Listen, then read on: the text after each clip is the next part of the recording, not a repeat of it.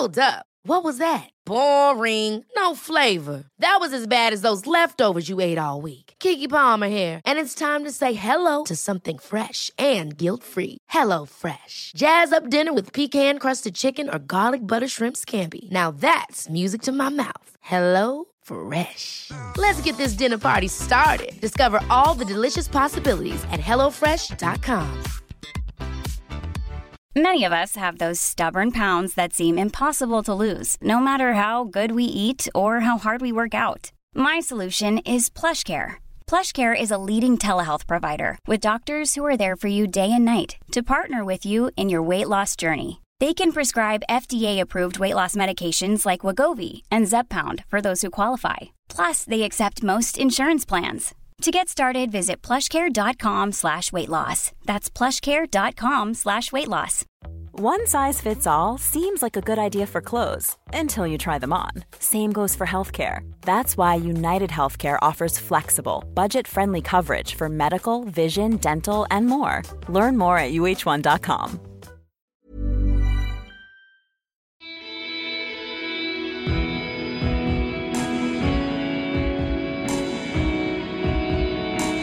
Det at jeg begynte å løpe, var jo foranledningen til at jeg ble, begynt, eh, ble massør. Fordi jeg gikk til eh, en veldig dyktig massasjeterapeut som het Anne Myrvang.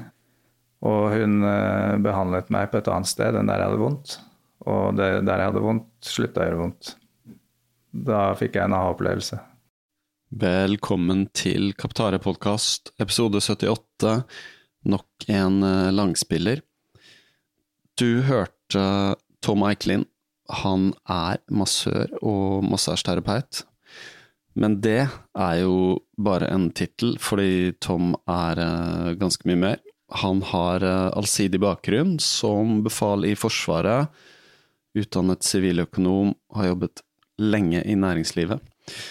Uh, men så endret noe seg, og det kommer du til å få et dypdykk i i dagens podkast. Tom uh, sier selv at han uh, løser opp i floker på alt fra bindevev til relasjoner. Så Tom er en ganske allsidig mann, og en jeg har hatt lyst til å snakke med en stund, etter at uh, Harald Bjerke, som har vært på podkasten tidligere, fortalte om noe som het atlaskorrigering, som jeg var ganske nysgjerrig på. Så her kommer episoden med Tom, men før det så vil jeg bare minne om Kaptare 12-timers Sofiemyr stadion 15. april. Nå nærmer det seg med stormskritt. Du kan fortsatt melde deg på via Racetracker. Du finner link i podkastbeskrivelsen, eller du bare googler Kaptare 12-timers. Så enkelt er det. Vær så god. Velkommen, eh, Tom Eikelin, til podkasten. Takk for det. Og til Brynseng. Har du vært der før? Jeg har vært i området her. Jeg har kjørt forbi på hovedveien utpå her, men ikke vært inne her. Så du har jo funnet et uh, fint og åpent sted inn i betongjungelen her, må ja. jeg si. Ja, det er jo heldigvis blitt uh, invitert hit, så det er flott, det er flott å ha et eget lite studio. Uh, malt i dypt blått, mm. med plenty med dagslys. Men veldig gøy å ha deg her. Eh, bare for referanse, vi kjenner ikke hverandre overhodet. Aldri truffet hverandre før eh, nettopp nå. Mm. Um, vi har småprata litt i et kvarter, det er alt. Uh, men jeg spurte faktisk Jeg har jo Jeg tror jeg følger deg på Strava og sosiale medier og sånn. Um, og ser jo du løper langt og dukker opp litt sånn her og der, så det er liksom føles som en del av miljøet. Mm. Uh, og Harald Bjerke, som jo har vært på podkasten, kjenner deg og mm. snakka om deg i forbindelse med en sånn Atlas-korrigering, og at du hadde vært support for han på Backyard Ultra. Mm. Så det var liksom det jeg visste. Um, men uh, kan, kan, ikke du bare fortelle, fortelle, litt om din bakgrunn? Uh, begynn, begynn, i det små, holdt jeg på å si. Begynn i det små, ja. ja. Ja, Hvis vi begynner med løpingen, da. Ja. Så begynte jeg å løpe i 2014. Så jeg har vel ikke Jeg har vel omtrent samme karrieretid som det Harald har. Og meg, faktisk. Og ja. Deg, ja. ja. Jeg begynte rundt den tiden nå. Mm. Så var det bare å begynne i det små og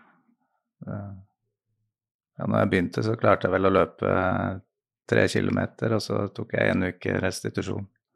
Og så var det tre kilometer til, og så var det bare å fortsette med det til du kunne løpe litt lenger og litt lenger og litt oftere og litt oftere, og til slutt så var 50 km i boks. Ja, hvor lang tid tok det å komme dit? 16 eh, måneder. Ah, det, mm. Så det gikk fort, gikk ja. fort opp. Ja, det er ganske fort.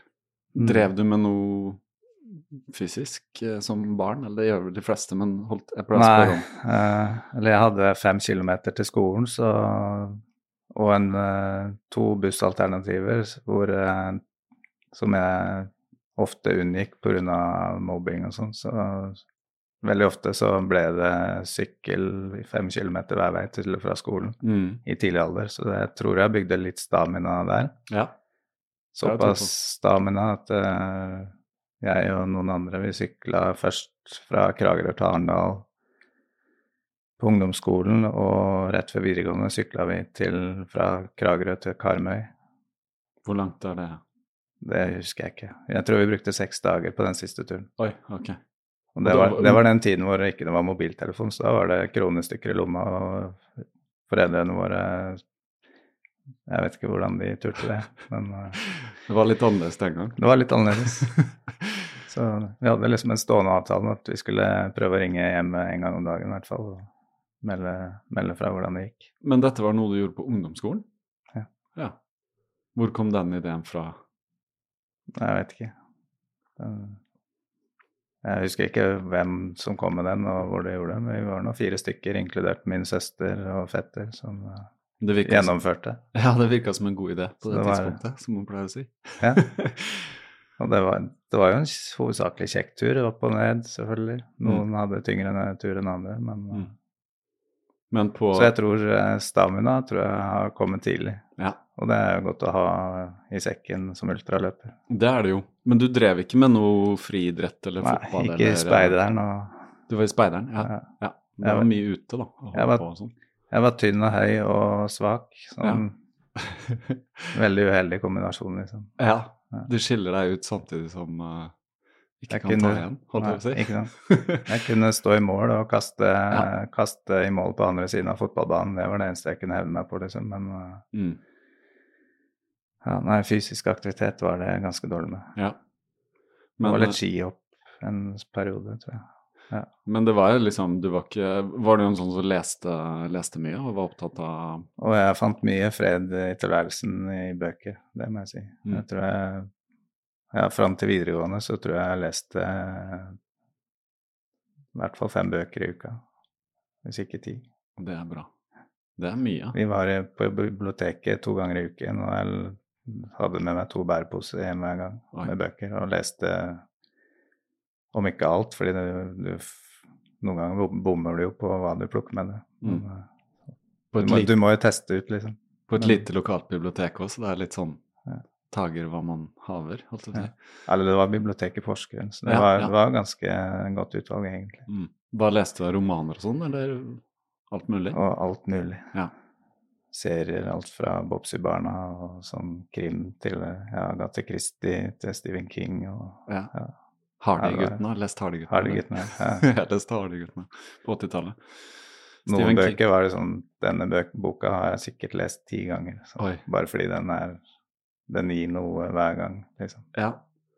Men det er, det er noe med det. Um, da får man inn ganske tidlig en stor del av verden, da, som kanskje andre typisk barn i oppvekst ikke får inn. Uh, ja. Nå vet jeg ikke hvordan det er i dag, men den gang så var det Altså, jeg leste jo mye tegneserier og sånn nå, men det var jo TV, og hvis man hadde kabel eller liksom satellitt, så fikk man inn liksom Sky TV og disse tingene der. Var du opptatt av noen mm. sånne, sånne ting? Kultur, eh, film eller liksom Nei, vi hadde NRK, ja.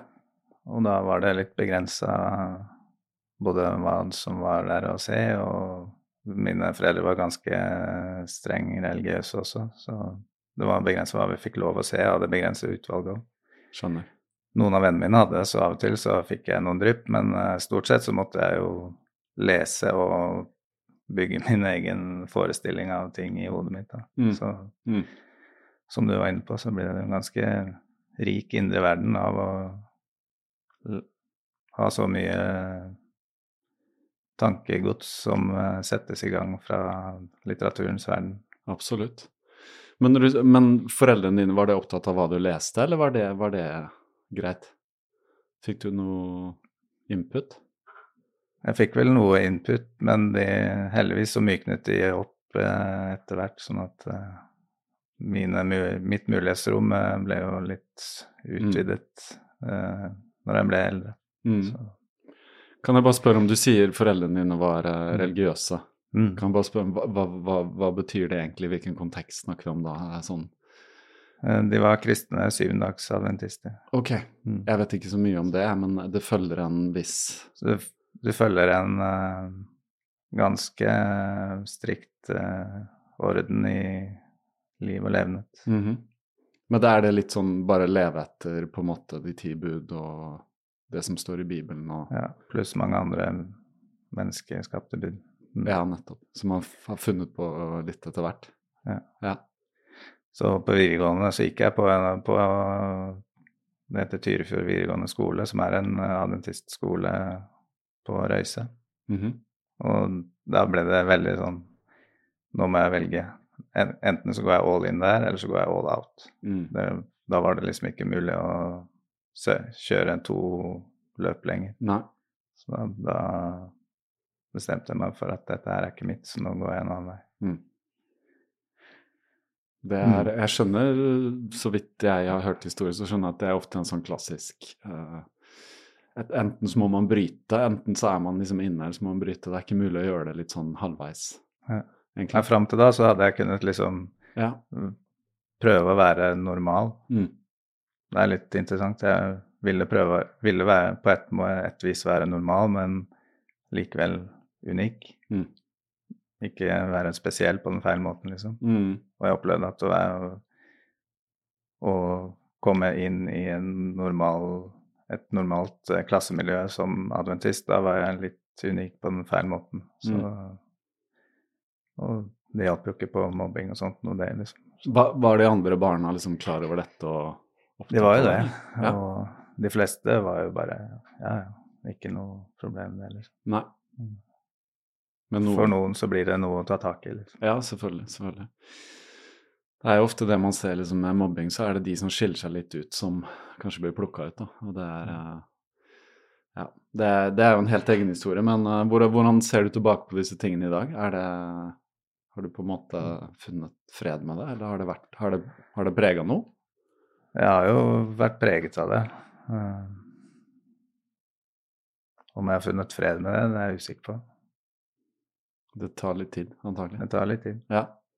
Men fortell Jeg driver og graver litt, eh, liksom, ja. og legger Det er en evig prosess, tenker jeg. ja. Jeg blir nok aldri ferdig med å skille hva som er mitt og ikke mitt, og legge vekk det som ikke er mitt. Mm. Det tror jeg blir en, det tror jeg for de fleste er en livsoppgave. Mm. Og det endrer seg konstant også, etter hvert som man endrer seg Ja.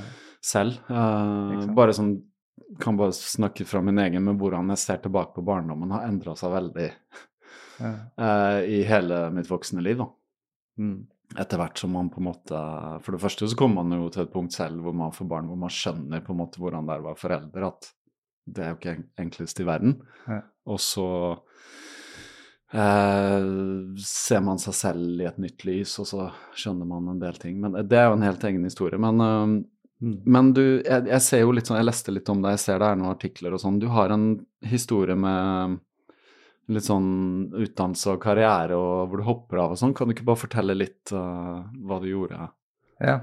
ehm, ja. Etter videregående så, var, så begynte jeg i militæret. Der uh, syntes jeg det var kjekt å være. Så der uh, gikk jeg fra vanlig førstegangstjeneste over på befalsskole og ble totalt tre år i Forsvaret. Mm. Hvilken gren var du i da? Da var jeg først i infanteriet i Indre Troms, og så var jeg i kavaleriet okay. på Rena. Ja.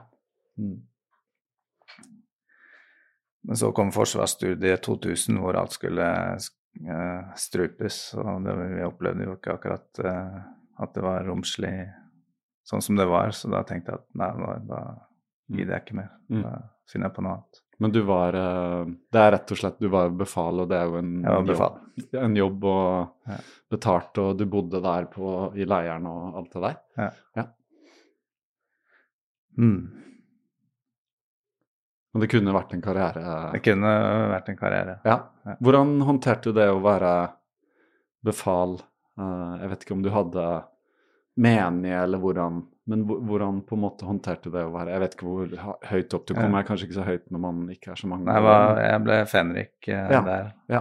Jeg er jo fortsatt i grønne klær en gang i året okay. i Heimevernet. Ja, Så jeg jobbet meg videre opp med litt kursing og sånn til løytnant. Men da, da var jeg fenrik. Ja. Um, men jeg var vel en av de befalene som det gikk an å snakke med, som liksom er opptatt av å formidle og få ting til ved å liksom få folk med seg, istedenfor å peke på distinksjonene sine og si 'jeg vil, du skal'. Mm. Mm. Men, så no, ja. Ja. Jeg opplevde meg selv som en, eh, et gemyttlig befal som det gikk an å snakke med. ja. Men er det Mm. veldig sånn Er det veldig hierarki? Veldig streng struktur, sånn som du opplevde? Med Potensialet, potensialet er der, Ja. ja. Har du sett mennesker som på en måte har utnytta det? Uh, nå har jeg ikke noen konkrete eksempler i farten, men uh, jeg vet jo at uh, no, noen likte jeg bedre å ha i, i rangordningen over meg enn andre. Mm. Ja. Så Så det menneskelige kommer igjennom, Det selv i menneskelige kommer systemene. igjennom, Ja. ja. Det er interessant. det er interessant. Jeg har jo ikke mye erfaring fra militæret utenom førstegangstjenesten, men eh, jeg vil tenke at jeg lærte masse av bare den strukturen som var der. ja. Den litt sånn strenge eh, de, Den første, hva heter det, um, rekruttskolen, heter det vel? Mm. Ja. Så det, det var litt sånn sjokk. Kommer Ja. rett hjemmefra og dit, men ja. Du, får, du får liksom uh, strukturert litt uh, på deg selv. Så, sånn sett så tenker jeg det Alle burde jo inn der bare for å liksom Ja. uh, kjenne litt på hva man kan og ikke kan, og så er du selv tydeligere for deg selv. Ja. Jeg har skjønt litt at Mm. det har endra seg litt, for nå Min datter sa til meg nylig, som er 14, at «Ja, Pappa, vet du at nå må liksom alle, alle må inn i militæret, om du er liksom kvinne eller mann? Jeg bare, å ja, ser du det? Så, så Mm. hun må vel også inn på en sånn sesjonsgreie. Jeg vet ikke hvordan det har blitt, jeg kjenner ikke til systemet i dag. For at den gang så var det sånn, alle på sesjon, alle måtte inn, og for å slippe unna militæret så måtte jo Enten måtte du være liksom, hardt skada i et eller annet så ikke kunne gå, eller noe sånt, eller så måtte du liksom, som jeg hadde en stebror som gjorde, han lata som han var ikke sant? Gjorde alt for å slippe, da. Ja. Og bare late som man var liksom helt giddaløs. og da blir man dimittert til slutt, men det satt ganske langt inne, tror jeg. Ja. Ja. Ja, det var det samme regimet jeg var inne under òg. ja. Men nå er det jo nesten motsatt, at man heller må nest, Det er nesten konkurranse om å komme inn, fordi Det er det, det er få plasser, og, Mm. og det at det er et begrensa mulighet, gjør at eh, folk er mer Du får mer motiverte mennesker som har lyst til å være inne, som Mm. søker inn. Jeg er usikker på om alle må på sesjon, eller om det bare er de som søker. Mm -hmm. Men Ok. Ja. jeg tror det er litt mer eh, Nå er det litt mer status å faktisk ha klart å komme inn, Mm. mens det før var motsatt. Nettopp. Jeg ser jo det også er litt i vinden uten at jeg har sett det, men jeg hadde en her i stolen eh, tidligere i uka som har vært med på Kompani Lauritzen. Ja, Eh, har du sett på det, eller? jeg har sett noe. Ja. Mm. Og det er så vidt jeg har skjønt, da får man liksom mennesker inn i litt sånn det militære systemet og Mm. Ja. Ja, det gir i grunnen et ganske godt bilde på hvordan ting er og oppleves. Mm. Mm. Ja.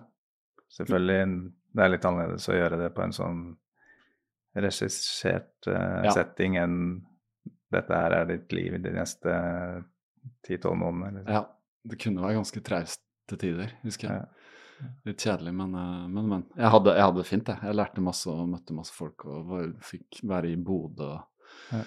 Det var jo flott. Oppleve midnattssol og Ja. kunne se litt rundt der, så Men eh, når du var ferdig der, hva gjorde du da?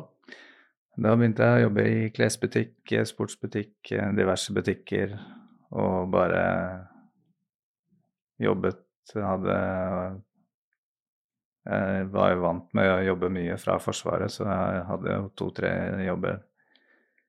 Og evig dårlig økonomi, for jeg drakk jo opp alt. Å ja. okay. Ok. Så du var Angående leverens, som vi Ja. om i sted. Ja, ja, ja. Så du var um, Ja. Så jeg bodde i kollektiv og jobb, hadde tre jobber og Jobba og og var ute, liksom. var ute. Ja. Men det var kanskje et behov, det òg, hvis eh, Det var vel et behov og en litt sånn Hvis jeg var i den ene grøfta fram til eh, videregående, så var jeg i den andre grøfta etterpå. Så det var kanskje en måte å finne ut hvor Ved å ha vært der på hver av sidene, så har jeg kanskje klart å identifisere hvor midtpunktet var underveis. Så, Ja. så har jeg klart å komme tilbake dit etter hvert, heldigvis. mm. Men så tok du, så vidt jeg skjønner fra litt resymé og sånn, en utdannelse Og så ble, det, så ble det eh, kjedsomt i lengden. Så Ja. tenkte jeg nå må jeg komme meg videre. Så tenkte jeg vi får teste et eh, år på BI og se hvordan det går. Og det, det ble til to år på deltid med bedriftsøkonomi. Mhm. Og så tenkte jeg da kan jeg Dette er greit, så da kan vi søke, eh, søke videre. Så da ble det Bergen og Handelshøyskolen Mm. i Mm. ikke fem år. Jeg klarte å kom, kutte ned det til fire og et halvt år Ok. Du, ved, ved ved, siden av eh, ja, 60-70 jobb. Så Så du var student og jobba mens du bodde i student og jobb og familie med bonusgutt først, og så Oi. ble yngstedatteren født der eh, ja, sist et halvt år før jeg var ferdig på skolen I Bergen? i Bergen. Ja. Hvilke år var det der? Bare for å I 2004 til 2008. Ja. Mm. Da kom du når jeg dro, faktisk. Ja, jeg ble vel værende der til eh, 2011. Ja. Jeg fortsatte å jobbe Jeg fikk jo jobb i det, det som da het Statoil, ute på Sandsli. Mhm. Så jeg ble Først så jobbet jeg en deltid der etter hvert. Jeg jobbet deltid på Sandsli med, i, på Statoil, og så jobbet jeg på sportsbutikk og var også brukerstøtte på Handelshøyskolen med IT. Så det var diversifisert eh, tilværelse. Så ganske mye. Så da var det kanskje og ikke familie og frue som skulle se oppi alt dette, og Ja. student eh, fadderuke og alt mye sånt tull som også skulle ivaretas. Ja, selvfølgelig. Det var eh, ja, tidlig opp og sent i seng. Ja. Ja. Men da var det ikke noe, det var ikke noe løping eller uh, Nei, ingenting og jeg, tre, jeg treger jo på det. Tenk å ha bodd syv år i Bergen og ikke ha løpt i fjellene der. Ja. Jeg har hatt én tur over vidden, Mm. to løpturer opp eh, Stolsen. Mm. Så du fikk prøvd alle her, ja. Ja. Jeg tror jeg brukte 16 minutter. Rekorden, er, rekorden er vel 38, eller Ja, ikke sant. Ja, det er litt som tider på sånn Jeg vet ikke, 3000 meter eller sånn, så vidt jeg har Mm. skjønt. Nei, jeg vet ikke. Det er jo Noen er jo helt rå på sånne ting. Ja. Oppover. Um, jeg fikk høre fra han jeg løp med på vidden, at uh, jeg løper som en fjellhelt. Så ja, ja, ja. det var sånn ja, kan, Det var jo gøy. ja. Men da trente jeg stort sett uh, vekt, vekter Ja. tre ganger i uka. Men ikke noe løping. Ikke, Nei, okay. bu, ikke etter bussen heller. Så det var Jeg vil, jeg ville ikke løpe og åpenbare for hele verden at jeg hadde dårlig tidsplanlegging. Så, Å ja, sånn, ja. så jeg løp. Nei, jeg løp ikke. Nei, du bare Og det handla om at det ikke skulle se ut som du hadde dårlig tid? Eller? Ja. Hvor kom det fra? Jeg vet ikke. Nei, det var en sånn Jeg har vel, jeg har vel vokst opp med at uh, hva jeg gjør, blir oppfattet, så da kan jeg velge hva som skal synes. Ja, jeg skjønner. Så, for å velge hvordan jeg blir oppfattet. Mhm, Mm. -hmm. Så hvis det ser ut som man har dårlig tid og stresser, så kan det være en negativ Det kan Det bli oppfatta negativt. Ja. Jeg har slutta med det, Ja, ja, ja. heldigvis. Ja, da, jeg Hvis jeg, nå, hvis jeg nå ser at den bussen kan jeg rekke, så løper jeg. Ja. Så Det kan ofte være sakte, men sikkert så klarer jeg å legge vekk ting Ja, ikke sant? og, og plukke opp igjen ting hvis jeg sier at ok, den var faktisk nyttig. Ja. Det, det, det kan vi Mm. snakke litt om etter hvert, sånn mønstre som man plukker opp tidlig og, og Ja. fortsetter med å bli helt ubevisst på. Okay. Men uh, mange år ja. jeg må bare si I forhold til Tromsø eller Indre Troms, så var det jo veldig synd å ikke ha vært der oppe med nordlys og alt det, og brukt helgene på topptur. Det angrer jeg også på. Ja. For det, det er også noe jeg har begynt eh, med de siste årene, å stå på Eller jeg begynte med snowboard på videregående. Så jeg kunne jo bare tatt med det opp og gått toppturer opp i Troms-Alpene. Det, det, er jo nok av folk som reiser opp dit. Så når jeg først hadde bodd der oppe, så er det synd å ikke ha benytta muligheten. Altså. Men uh, sånn er det. Man, Sånn er det. Man, man skjønner jo ikke alltid i øyeblikket hva som er. Nei. For alle som har begynt å løpe seint også, tenker sånn, hvorfor begynte jeg ikke med dette før istedenfor å røyke sigaretter eller whatever. Men det er jo som det er. Man skal være glad at man har kommet hit. Ikke? Så ja, så da har du karriere og Statoil og sånn. Ja. Uh, mye ansvar og allerede familie og Mm. den børen der å bære. Ja. Hvordan uh, gikk det? Ja, det var fint. Jeg hadde en veldig god jobb i Statoil i Bergen. Jobbet eh, med innkjøp der. Og så etter hvert så begynte vi å savne Østlandet litt. Ble litt lei av eh, at asfalten alltid var våt, enten fordi det regnet eller fordi noen lokale ikke tålte at den var tørr. Så de gikk og vanna asfalten. Seriøst? Ja. Jeg vet ikke om de var redd for støv eller oh, ja, okay, Men det var sånn. Hvis ikke det regna, så var de ute og spylte. Og Det er merkelig. Så det har interessant, uh, interessant by. Ja, det, ja, det er veldig, uh, veldig annerledes by. det er, det er Absolutt fargerik by. Ja, Og Bergen på en solrik sommerdag, uh, det må oppleves. det må oppleves. Men, det kan vi jo bare Det kan i hvert fall jeg skrive under på, at det er noe av det vakreste. Ja. Så jeg har en del av hjertet mitt fortsatt i Bergen. Jeg bodde der lenge. Mm. eh, helt fra ungdomsår. Så ja. Ja. Men, eh, Men var- man glemmer jo de 300 dagene i året hvor det faktisk regner. Ja. Det var, men eh, beliggenheten er faktisk veldig ålreit i forhold til snowboard og sånt. For jeg Ja. hadde jo med eldstemann på, både på alpintrening og snowboardtrening i Myrkdalen og Nei, Eikedalen. Eikedalen. Og da, Mm. da sto vi i i re- øspøsregn i, og venta på skibussen i Ytre Sandviken. Og så tok vi det bussen til Eikedalen, og der var det to meter snø. Mm. Tre kvarter unna. Masse snø. Så ja. det dumpa jo ned. Det som var regn, ja. det som var regn i Bergen, ble jo snø der. Det er sant, det. Og så er du Voss også, Så det er så Voss, ja. Ja. Myrkdalen var jo episk. ja, Jeg var ute og kjørte pudder her med han, og da var vel han syv år, tror jeg. ok. Plutselig, så, plutselig så forsvant hodet hans under snøen. Oi. Så var det bare Hvor ble han? Og så bare Ja, der, ja. Så bare heis, få tak i han og heise han opp igjen og gi han luft. Og så bare måtte jeg bare holde han i hendene og kjøre nedover mens han surfa Syv år gammel. syv år gammel. Wow. Ja, det er kult å oppleve, da. Jeg husker vi sto Det var, det var ikke så mye snakk om snowboard på den tiden, det var slalåm, slalåmski, men det var morsomt, det òg. Mm. Ja, men kult. Hva, så, så tilbake til Oslo. Eller tilbake til Oslo. Har du, hadde du bodd i Oslo før uh... Jeg hadde bodd et år i Oslo før. Jeg hadde bodd bodde mest i Drammen eh, før vi flytta til Bergen. mhm. Mm. Når vi flytta tilbake igjen, så vurderte vi både Oslo og Drammen, men vi tenkte at egentlig så har vi lyst til å bo sånn at en av oss foreldrene ikke måtte måtte eh, veldig langt av gårde fra, for å komme til jobb. Mm. Sånn i forhold til barnehagelogistikk og sånn. Så da, da ble det Da sto det mellom Fornebu, som der jeg eh, skulle begynne å jobbe. Det var eh, Ja, eh, Statoil hadde foreløpig kontor på Vekkere, men de holdt på å bygge på Fornebu. Mm. Mm. Eller så var det Bjørvika, hvor, det, hvor fruen skulle jobbe i DNB. Mm -hmm. Heldigvis så landa vi på Fornebu, for å bo, bo i Bjørvika, det frister ikke. Det, Nei, det var det er et eh, grått og øde betongørkenlandskap. Ja, det er blitt veldig spesielt. Det er tett, da. Men da, da var det fortsatt i utbygging, og det skjer jo fortsatt masse der, Ja. egentlig. Jeg vet ikke hvordan det kommer til å bli seende ut etter hvert, men Mm.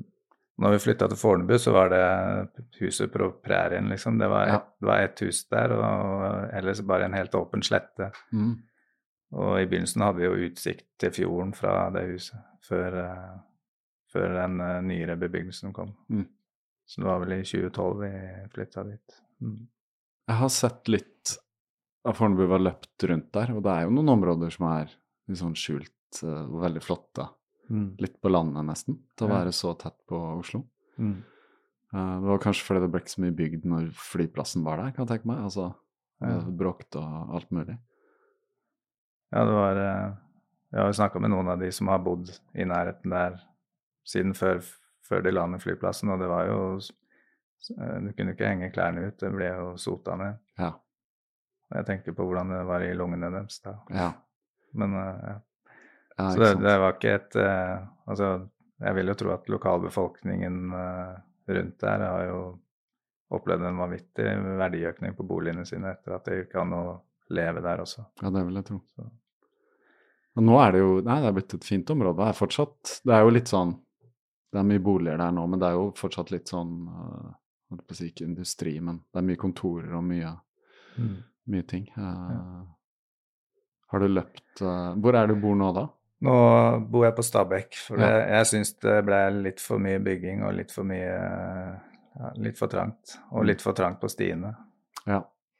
I begynnelsen så kunne vi løpe ut på stien og gå tur på stien nær sagt døgnet rundt og liksom oppleve at her er det fint å være, men eh, på slutten så Hvis du var ute etter åtte om morgenen i helgen, så var det liksom bare kø og private samtaler på høyttaler på mobilen og Nei.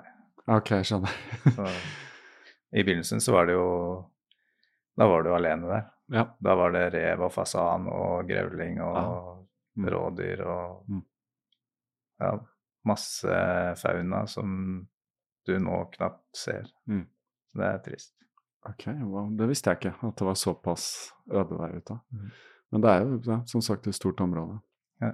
Så da ble det Stabekk lenger ut. Men, eh, men når kom eh, jeg, jeg skjønner på hva jeg leste, at det kom et brudd med liksom karriere og at du Ja. fant på noe nytt, som er det vi kommer til å komme inn på. Ikke sant. Nei, jeg jobbet jo Jeg hadde jo veldig kort vei til eh, jobb og barnehage. Jeg gikk på ski til barnehagen og kunne gå på ski til jobb. Eh, og veldig enkel logistikk, og hadde det som plommejeger ka- jobbmessig. Og så var det vel Det var en Det var et tidspunkt hvor eh, jeg bare våkna en dag og kjente at hva, hva er egentlig vitsen med dette? Mm. Og så Frem til da så hadde de hadde jo drevet med nedskjæringskutt og tilbud om sluttpakker eh, i tre-fire omganger. Og jeg regna på det, og det hadde aldri vært interessant. Og så etter, etter det så kom det en ny sånn runde, og da regna jeg på det, og da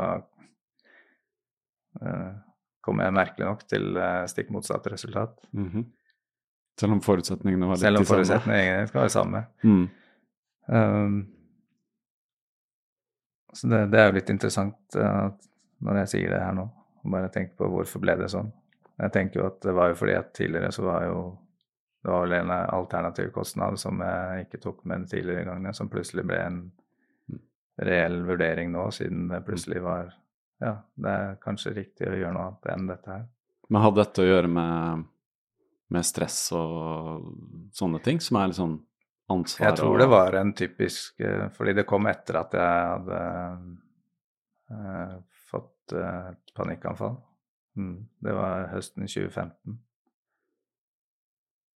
Uh, da dro vi opp på Bærum sykehus og inn på legevakten og masse måling og låst observasjon. Og, Mhm.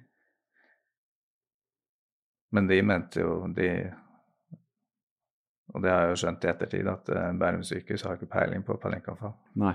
Så, Hvordan- så hvordan- de klarte ikke å gi meg tilfredsstillende svar på hva det var jeg opplevde i kroppen min. Nei. Så jeg dro jo på Aleris og andre steder for å få en second opinion, og det tok lang tid før jeg endelig fikk eh, Fastlegen min sendte meg til en klinisk psykolog som, eh, hvor jeg snakket litt om eh, økonomi og privatliv og hvor mange baller i lufta jeg hadde, for jeg hadde jo fortsatt mange jern i ilden med styreverv her og styreverv der og jobb og og et høyt forbruk, Mm. som liksom summen av alle de ballene som jeg hele tiden måtte sjonglere så ikke en av de falt ned. Mm.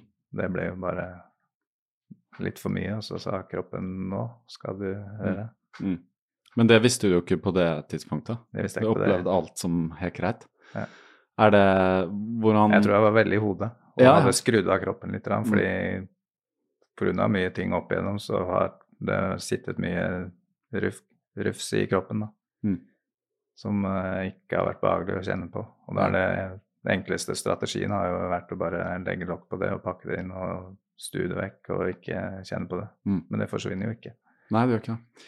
Det er en ganske stor, eh, et stort rom hvor du kan stappe ting, men det er ikke så stort at det ikke okay. på et tidspunkt så vil det opp igjen. Okay.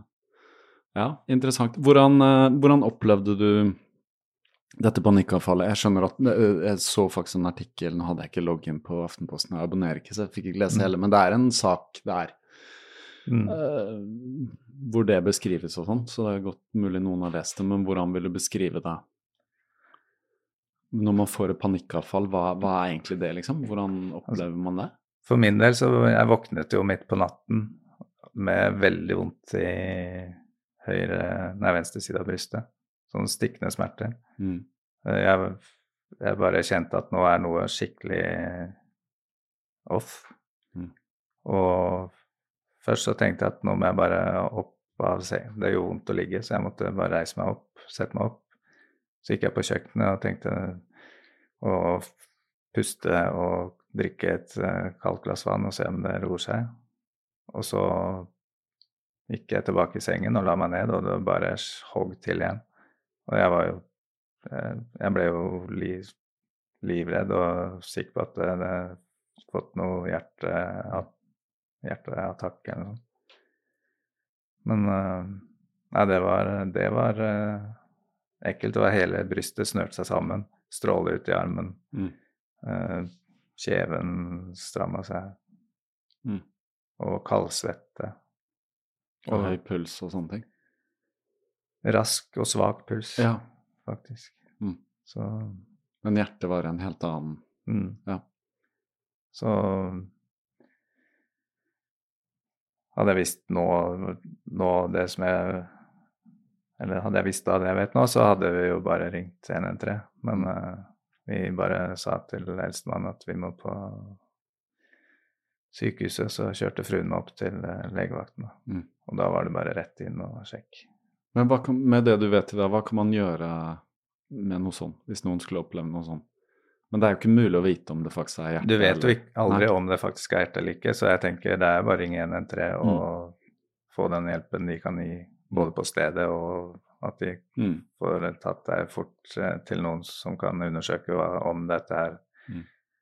har noe med hjertet å gjøre, eller om det er et en stressrespons. Mm. For jeg, I mitt hode så det er jo så enkelt som at kroppen helt sikkert har jeg sagt, prøvd å si fra igjen og igjen og igjen, og til slutt så Men det er ingen hjemme i hodet som har hørt på, så Mm. til slutt så må man bare finne fram den store Slegga, liksom. store, klek, store klokka og, Ja, ja. og Det er liksom banke på døra lenge, og til slutt så må du bare slå den inn. ja, ikke sant? For å Ja. Uh, nei, men det er sant. Uh, ringe igjen 113. for, det har, for det har jo ikke vært siden, siden jeg hadde det, og siden jeg skjønte hva dette her egentlig handler om, så har jeg ikke hatt uh, noe lignende erfaring igjen. Du opplevde det én gang. Så det er én gang. Ja. Mm. Men, Men jeg tror jeg gjorde noe som jeg tror mange ikke gjør, Mm. og det var at jeg, jeg altså, nå var det jo en eh, lykke for min del da, at det kom en sånn uh, nedbemanningsprosess, sånn at jeg kunne jeg hadde mulighet til å ta, takke ja til en eh, romslig sluttpakke, sånn at jeg kunne både ta den tiden jeg trengte, og hadde det rommet jeg trengte til å bare kaste alt opp i lufta og, og finne ut hva er det jeg egentlig skal. det er jo en prosess, da. Og det var en prosess. Ja. For jeg, var, jeg tenkte nå kan jeg få skikk på økonomien, nå, kan jeg, nå har jeg hatt en god jobb, jeg har gode papirer, nå kan jeg gå til en tilsvarende jobb, eller bedre jobb, og få det enda bedre betalt, og komme fortere i mål på den finansielle biten, og så vil alt ordne seg. Mm. Og så kom jeg nesten i mål på den. jeg kom, var nummer to, Du søkte nye ting? Ja. og så heldigvis fikk jeg ikke den jobben. For du tenkte at fortsatt at du ville være i en sånn Ja. Du så det som en mulighet til å på en måte gå Mm. klatre mer? Ja. Uh, ja. Jeg var jo fortsatt i hodet. ja. Men noe, var, noe mellom hodet og kroppen hadde åpna seg. Så jeg var på vei inn til å oppfatte noe av hva som foregikk i kroppen. Søkte du svar noe sted, eller fikk du på en måte lyst til å finne ut av det selv? Det er jo ofte sånn det er, at når noe skjer, så må man liksom finne litt ut av det selv. Ja. Eller man får høre litt Du skjønte at det var panikkanfall, så du skjønte at noe var galt. Men sånn som de fleste vokser opp, så vet vi jo forsvinnende lite om hvordan disse tingene funker. Ja. Ikke blir lært på skolen, og få foreldre som hadde noe forhold til det. og Altså, Vi har hørt om psykiske problemer, liksom, og noen går til psykolog og sånne ting, men vi vet jo ikke så mye, så vi kan jo som ofte komme midt i livet, så får en krise, og så vet du kjempelite. Ikke sant? Men jeg tror det var eh, sånn i, i begynnelsen der, så det viktigste var de tingene som den kliniske psykologen spurte meg om. Mm. Og for, det var, altså, for det var ikke noen psykiske problemer eller noe sånt. noe. Det var jo ikke noe som var off. Men det var liksom summen av alle de normale tingene. Summen av at du har litt for mange baller i luften. Summen av tre-fire styreverv fordi du har jo et borettslag du skal eh, trå til litt til. Du har eh, FAU, du har eh, idrettsklubben til barna. Mm. Det er jo helt vanlige ting å stille opp på. Mm. Men jeg stilte jo på alle samtidig. Og så var det eh, Om ikke luksusfellen, så i hvert fall du, Siden jeg har, god, eller har en god jobb med god, god lønn, så er det lett å bli fanget i et løp hvor du hele tiden bruker eh, litt mer av lønna til å få enda litt finere ting. Mm. Istedenfor å liksom tenke at nå er det greit, kanskje vi skal Hva er det som er viktig? Liksom. Mm. Det er veldig gøy da, å ha penger til å kjøpe seg det man vil. Og alle de spennende Og- tingene der ute. Som, Det kommer alltid en uh, oppgradert uh, Ser jeg det på løping også. Det kommer alltid en oppgradert sko eller en oppgradert uh, klokke. Så Ja, det- det gjør det. Du, du får aldri nok, liksom. nei, det er det. Man tenker ofte når man kjøper noe at ja, nå, er, nå har jeg den, og da er det bra, liksom. Da slipper jeg å tenke mer på det. Men så er det den neste tingen og den tingen og den tingen. Det, det, der er vi alle. Men, eh, men hva, hva Det jeg er litt opptatt av, hvordan fant du ut tror- veien videre? Altså var på, Mm. at du ble nummer to eh, innstilt? Mm. Etter, etter at jeg ble nummer to, så tenkte jeg at nå skal jeg ikke gjøre noe mer på den Fordi det var noe, jeg hadde noen muligheter til eh, å søke, men så tenkte jeg nei, nå skal jeg la det ligge. tar jeg seks uker med fri, og så bare tenk, tenker jeg og kjenner gjennom hva er, det, hva er det jeg egentlig skal. Mm. Og så ga jeg meg selv seks uker. Hvor jeg egentlig ikke gjorde noen ting. Jeg gikk ikke og søkte råd om noen. Uh, fru, altså jeg, jeg har jo snakket med fruen hele veien, hun er jo gull. Mm. Så hun har vært en viktig støttespiller der. Men vi, men vi Men hun har jo latt meg eh, komme til de konklusjonene jeg har hatt behov for å komme til. Hun har ikke styrt det ut ifra hva hun syns. Liksom. Mm. Så evig takknemlig til henne for det. Hva, hva kunne hun, da, som ikke du kunne? Eh, det hun kunne, var eh, Hun lå ett år foran meg i eh, gestaltterapeututdanningen. Mm. Så hun hadde lært litt eh, der. Ja, pluss at hun hadde jo masse fra før av. Helt siden hun var liten, så har hun lest eh, om psykologi og sånn. Så, så hun hadde veldig mye der. Og hun hadde vel også ganske mye mer kontakt med kroppen sin. Det var i hvert fall sånn jeg oppfatter det. Mm. Det var hun som første gang viste meg hvordan det er å se på solen glitre gjennom tre, et tre og. La, sol, la det solspillet komme inn på netthinnen og bare åpne deg og kjenne hva det gjør i kroppen din. Mm. Det var faktisk Det lurer jeg på kanskje var en foranledning til, at, eh, til det panikkanfallet. Kanskje det var noe av det som åpnet opp et eller annet, sånn at du plutselig kunne si ifra. Mm. Så det, dette var noe dere bare snakka om i forkant, eller opplevde når du var ute? Ja, det var, vi, vi hadde vært på en eh, roadtrip, eh, kjørt bilen ned til Tyskland og til Düsseldorf på en eh, Brian Ferry-konsert. Mm. Sov i bagasjerommet på vei ned, og sov på en butikkhotell der nede. Sov i bagasjerommet på vei opp igjen. Mm. Så hadde vi en kort løpetur i København, og der stoppa vi ved et tre, og så viste hun meg. Mm. Og da kjente jeg det. Så det kan ha vært en, en, del av den åpningsprosessen. Jeg tenker jo det at å gå fra hodet til kroppen er jo den lengste veien et Mm. menneske kan ta. Mm. Men for Ja. meg så er det jo et, det er jo etter det jeg, den virkelige jobben har begynt. Da. Ja, ja. Med, med å liksom få kroppen til å bli fin- Komme tilbake til seg selv, komme i vater. Derav atlaskorrigering, blant annet. Mm. Og Ja, en må del du- andre behandlinger. Ja, det må vi komme inn på. Men du tok deg seks uker. Uh... Seks uker, ja. Ja, men Det er ikke så lenge, egentlig. Det kan gå fort, det. Nei, ikke sant? Det, det gikk veldig fort, det. Ja. Men det endte i hvert fall med at jeg både Jeg lot være å søke noe jobb. Mm. Jeg tok heller og søkte å komme inn på gestaltterapeutstudiet. Og jeg begynte også å studere massasjeterapi. To forskjellige To forskjellige. Men for meg så handler det om det samme. Det, Mm. er, eh, det handler om mennesket. Og Ja. det er to forskjellige innganger, to forskjellige perspektiver av et, det å være menneske. Massasje vet de fleste hva er, men hva er gestaltterapi? Gestaltterapeut er en form for uh, psykoterapi, samtaleterapi, Mm. hvor uh, uh, Hvor fokuset hele tiden er på hva er det som faktisk er, og ikke hva, hva fortolker vi det som. Mm. Og liksom Ja. Hva lærer man Mm. da? Da lærer man mye måter å eksperimentere på, og for å liksom klare å legge vekk Skille, skille hva som er, og hva som er uh, Mm. uh, tolkning eller hypoteser eller Historiene vi forteller oss selv om hvordan ting er. Ja. For vi trenger å ha et narrativ, oftest. Ja. Det er ikke alltid det narrativet er eh, riktig, og det er ikke alltid det er hensiktsmessig. Mm. Ja. Så, Men det det går, er ofte det går an å justere. Ja, det er som jeg ser det, ofte beskyttelsesmekanisme, da. Ja. At man forteller seg en historie om hvordan noe er. Mm. Og det kan jo være, både være for å dekke over, men noen ganger kan det være veldig negativt, da. Ja. Uh, som har med selvbilde å gjøre og sånne ting. At man sliter med noe, og så forteller man seg selv at jeg er ikke bra nok, og jeg er dårlig på det, og så blir jo det en dårlig spiral òg.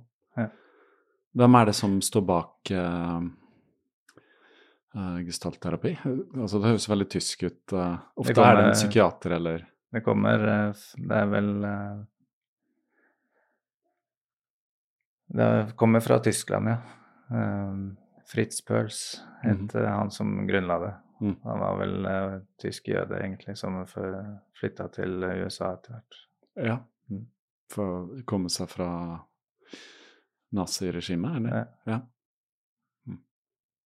Så det er Men det har sitt feste i, innenfor psykoterapi? Ja. En retning på et vis. Men det er jo psykoterapi er, det, det er jo samtalebasert, ja. men det er litt eh, å lære seg noen strategier for innganger og sånn. Mm. Har det Gjorde det noe med deg selv? For, Altså, det, det gjør noe med, med hvordan jeg hvordan jeg klarer å være med det som faktisk er, og liksom for det første prøve liksom være klar, over at det er forskjell på hva som er, og hva som oppleves. mm, Det, kan være, det kan være to vidt forskjellige ting. Mm. Og det å liksom klare å se når det er, når, når det er en, en diskrepans der. mm, Og en annen ting er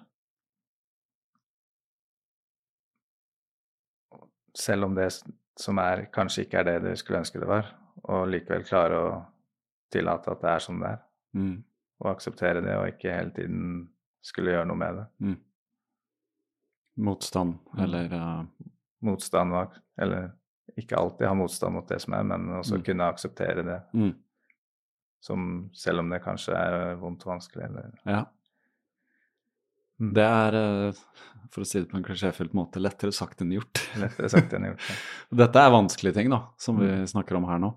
Vi kan jo komme litt tilbake til det også, men uh, så det, dette skjer Da er du i gang med løpingen nå, sant? så du begynner å få et litt annet forhold til Altså, det skjer jo noe når man begynner å løpe, da, det må Ja. jeg si. det, Og, og løping, det at jeg begynte å løpe, var jo foranledningen til at jeg ble, begynt, ble massør. Fordi Ja. jeg gikk til eh, en veldig dyktig massasjeterapeut som het Anne Myrvang, som nå er min kollega på Klinikk Frogner. Mm. Eh, Jeg gikk til henne fordi jeg hadde fått løpekne eh, i løpet av de 16 månedene fra 0 til 50 km. Mm. Og hun eh, behandlet meg på et annet sted enn der jeg hadde vondt. Og det, der jeg hadde vondt, slutta å gjøre vondt. Mm. Da fikk jeg en aha-opplevelse på at kroppen var litt mer kompleks enn jeg forestilte meg. mm. Og jeg ble, det vekket litt nysgjerrigheten min. Og jeg har alltid vært en sånn uh, nysgjerrig Per som har spør og graver om ting og, blir, og vil finne ut av ting. Det er kanskje det, noe av det som gjorde at det var vanskelig å, å forbli en, eh, i et sånn kristent, kristent miljø hvor eh, ting er gitt og ikke skal stille spørsmål ved. Mm. Eh, Så, så den nysgjerrigheten som Anne vekket i meg, den eh, gjorde at jeg fikk lyst til å gå den veien selv. Og jeg tenkte at ved, ved å gå den veien så vil jeg lære mye anatomi og fysiologi som absolutt er et fagfelt jeg kan null om. Mm. Men jeg har eh, de analytiske egenskapene som siviløkonom som gjør at jeg kan dette, dette kan jeg få til. Mm. Og det gikk veldig fint. Selv om jeg i den perioden Jeg tror det tok tre eller fire år, eller fem år, før kognitive kapasiteten opplevdes sånn som den var før jeg fikk panikkanfall. Okay.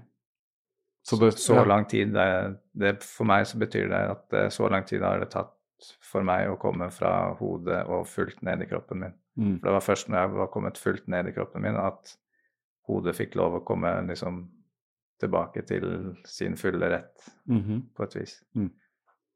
Fordi man har over, uh, hatt liksom en overkapasitet uh, lenge, eller hva tror du det er? Jeg, jeg tror jeg stengte av kroppen så mye, Ja. og ikke villet uh, Ikke orket. Mm. Jeg tenker jo alle sånne Alt som setter seg i kroppen og i tanker og sånne historier som ikke er, ikke er hensiktsmessig over tid. De har, på en eller annen tidspunkt så har de vært hensiktsmessig der og da, Mm. fordi det var det som fikk deg gjennom det du var igjennom da. Mm. Men så er det det at du ikke du klarte å slippe det eller legge det fra deg. Mm. Og at det har blitt hengende ved, både fysisk og psykisk. og altså Bare en historie du forteller. Ja. Så det er når de tingene blir hengende ved, at det blir et problem. Og jeg tror at ved å ha kommet tilbake til kroppen og la den få komme til uttrykk og oppleve at ja, jeg hører at du uh, sier hører, hører hva du forteller, Mm. så har liksom hodet fått lov å slippe til igjen. Sånn at uh, det har faktisk, den hjernetåken har letta, at det går an å tenke klart igjen. Mm. Mm. Interessant. Det er jo også litt sånn høyre-venstre hjernehalvdel. Vi er jo ofte eh, veldig Og du, siviløkonom, snakker om analytisk evne. Vi er jo veldig ofte i den eh, Det er vel den venstre, er det ikke det? Som er den analytiske delen. Og så har du den høyre som er mer på det kreative og litt mer sånn abstrakt. Kan se ting, sammenhenger Mm. og løsninger, da. Ja. Som ikke den analytiske klarer å komme fram til, for det er veldig sånn lineær måte å gjøre ting på. Uh. Det er iallfall sånn jeg tenker. Så åpna du kanskje også opp for en mer sånn annen tolkning av ting og en annen måte å se ting på. Det tar jo tid bare i seg selv å skulle liksom endre på Hjernen er jo ganske sånn De banene som er mye brukt, er jo de sterke, og skal man lage liksom nye nevroner og nye så, så er det, det er krevende i seg selv, og det er frustrasjon og sånn. Opplevde du Mm. selv om du var, er dyktig tydeligvis, opplevde du at det var krevende å være i en ny, helt ny Ta en ny utdannelse, en ny liksom Det er mye som endrer seg, da. Mm. Ikke bare kroppen, men verdensbildet, hvordan man ser andre og kanskje hva man Ja. Um, merkelig nok så opplevde jeg det ikke krevende. Merkelig nok så fikk jeg A på de fleste uh, uh, prøver og Ja. eksamener som vi hadde på, Ja. på begge skolene. Mm. Eh, men det var ikke fordi at den det, Jeg opplevde ikke at den analytiske, rasjonelle biten var på plass i det hele tatt, men jeg, men jeg tenkte at Eller jeg opplevde at siden det ikke var det, så måtte jeg jo bare ja, stole på magefølelsen. Mm. Da var det magefølelsen som tilsa om jeg skulle skrive ned eller det, eller Mm. Hvis jeg ikke Og det har jeg, det har jeg oppdaget Eller gjennom det så har jeg oppdaget at hukommelsen sitter jo i langt større grad i kroppen enn i hodet. Mm. Det var i kroppen jeg fant svar på alle spørsmålene som Mm. jeg trengte å vite svar på, selv teoretiske. Det var en helt merkelig følelse. Ja, det er, eh, Men uh, det er annerledes enn å være vant til at vi på en måte tenker at det sitter bare der. Men eh, det er jo så enkelt som at uh, alt vi erfarer, det, det påvirker oss på et vis. Og vi, med mindre vi ligger i en seng, så, så vil kroppen reagere med en sånn liten tension der, en liten der. Litt sånn ja. Mm. Så har du så har du øye, nakke, ryggen har liksom reagert, vært med på den reaksjonen. da. Ofte subtile ting, da. Ofte, ofte Mm. subtile ting. Mm. Og det er jo en grunn, tenker jeg, da, til at når jeg behandler en person, så kan både jeg og den personen få opp tematikk eller bilder eller noe som kanskje hadde sammenheng med hvorfor den spenningen har sittet der. Mm. Og det er litt det samme måten, så det var ikke sånn at jeg kunne trykke på ja, nå vil jeg vite det, så bare trykker jeg der i kroppen, så vet jeg det. Men, eh, Mm. Eller så husker jeg det. Men, Nei, det, er, men mer- kommer, det, er- det er mer ja. sånn at eh, hvis jeg, hvis jeg jobber med noe som sitter et sted i kroppen, så plutselig så er det assosiasjoner som dukker opp Mm. som helt sikkert har noe med hvorfor den landet der utgangspunktet. utgangspunktet. Både din egen og andres som Mm. du behandler. Ja. Så for meg så blir det blir det sånn som at eh, kroppen er eh, harddisken, og hjernen er eh, prosessor, eh, arbeidsminne. Ja. Ja. Det, det, Mm. det er en bra, det er en bra Så- sammenligning, faktisk. Ja. Det sitter mye i bindevevet. Så- ja. Og det, det, det gjør det også veldig Jeg jobber jo hovedsakelig som massasjeterapeut. Eh, Jeg har veldig lite eh, rene samtaleterapitimer. Mm.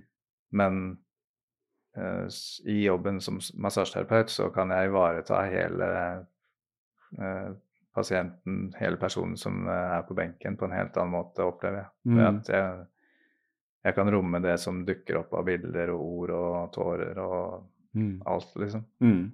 Og jeg kan stille et spørsmål, og så er det meningsfullt i forhold til hva vi jobber, og så er det noe som slipper. Mm. Så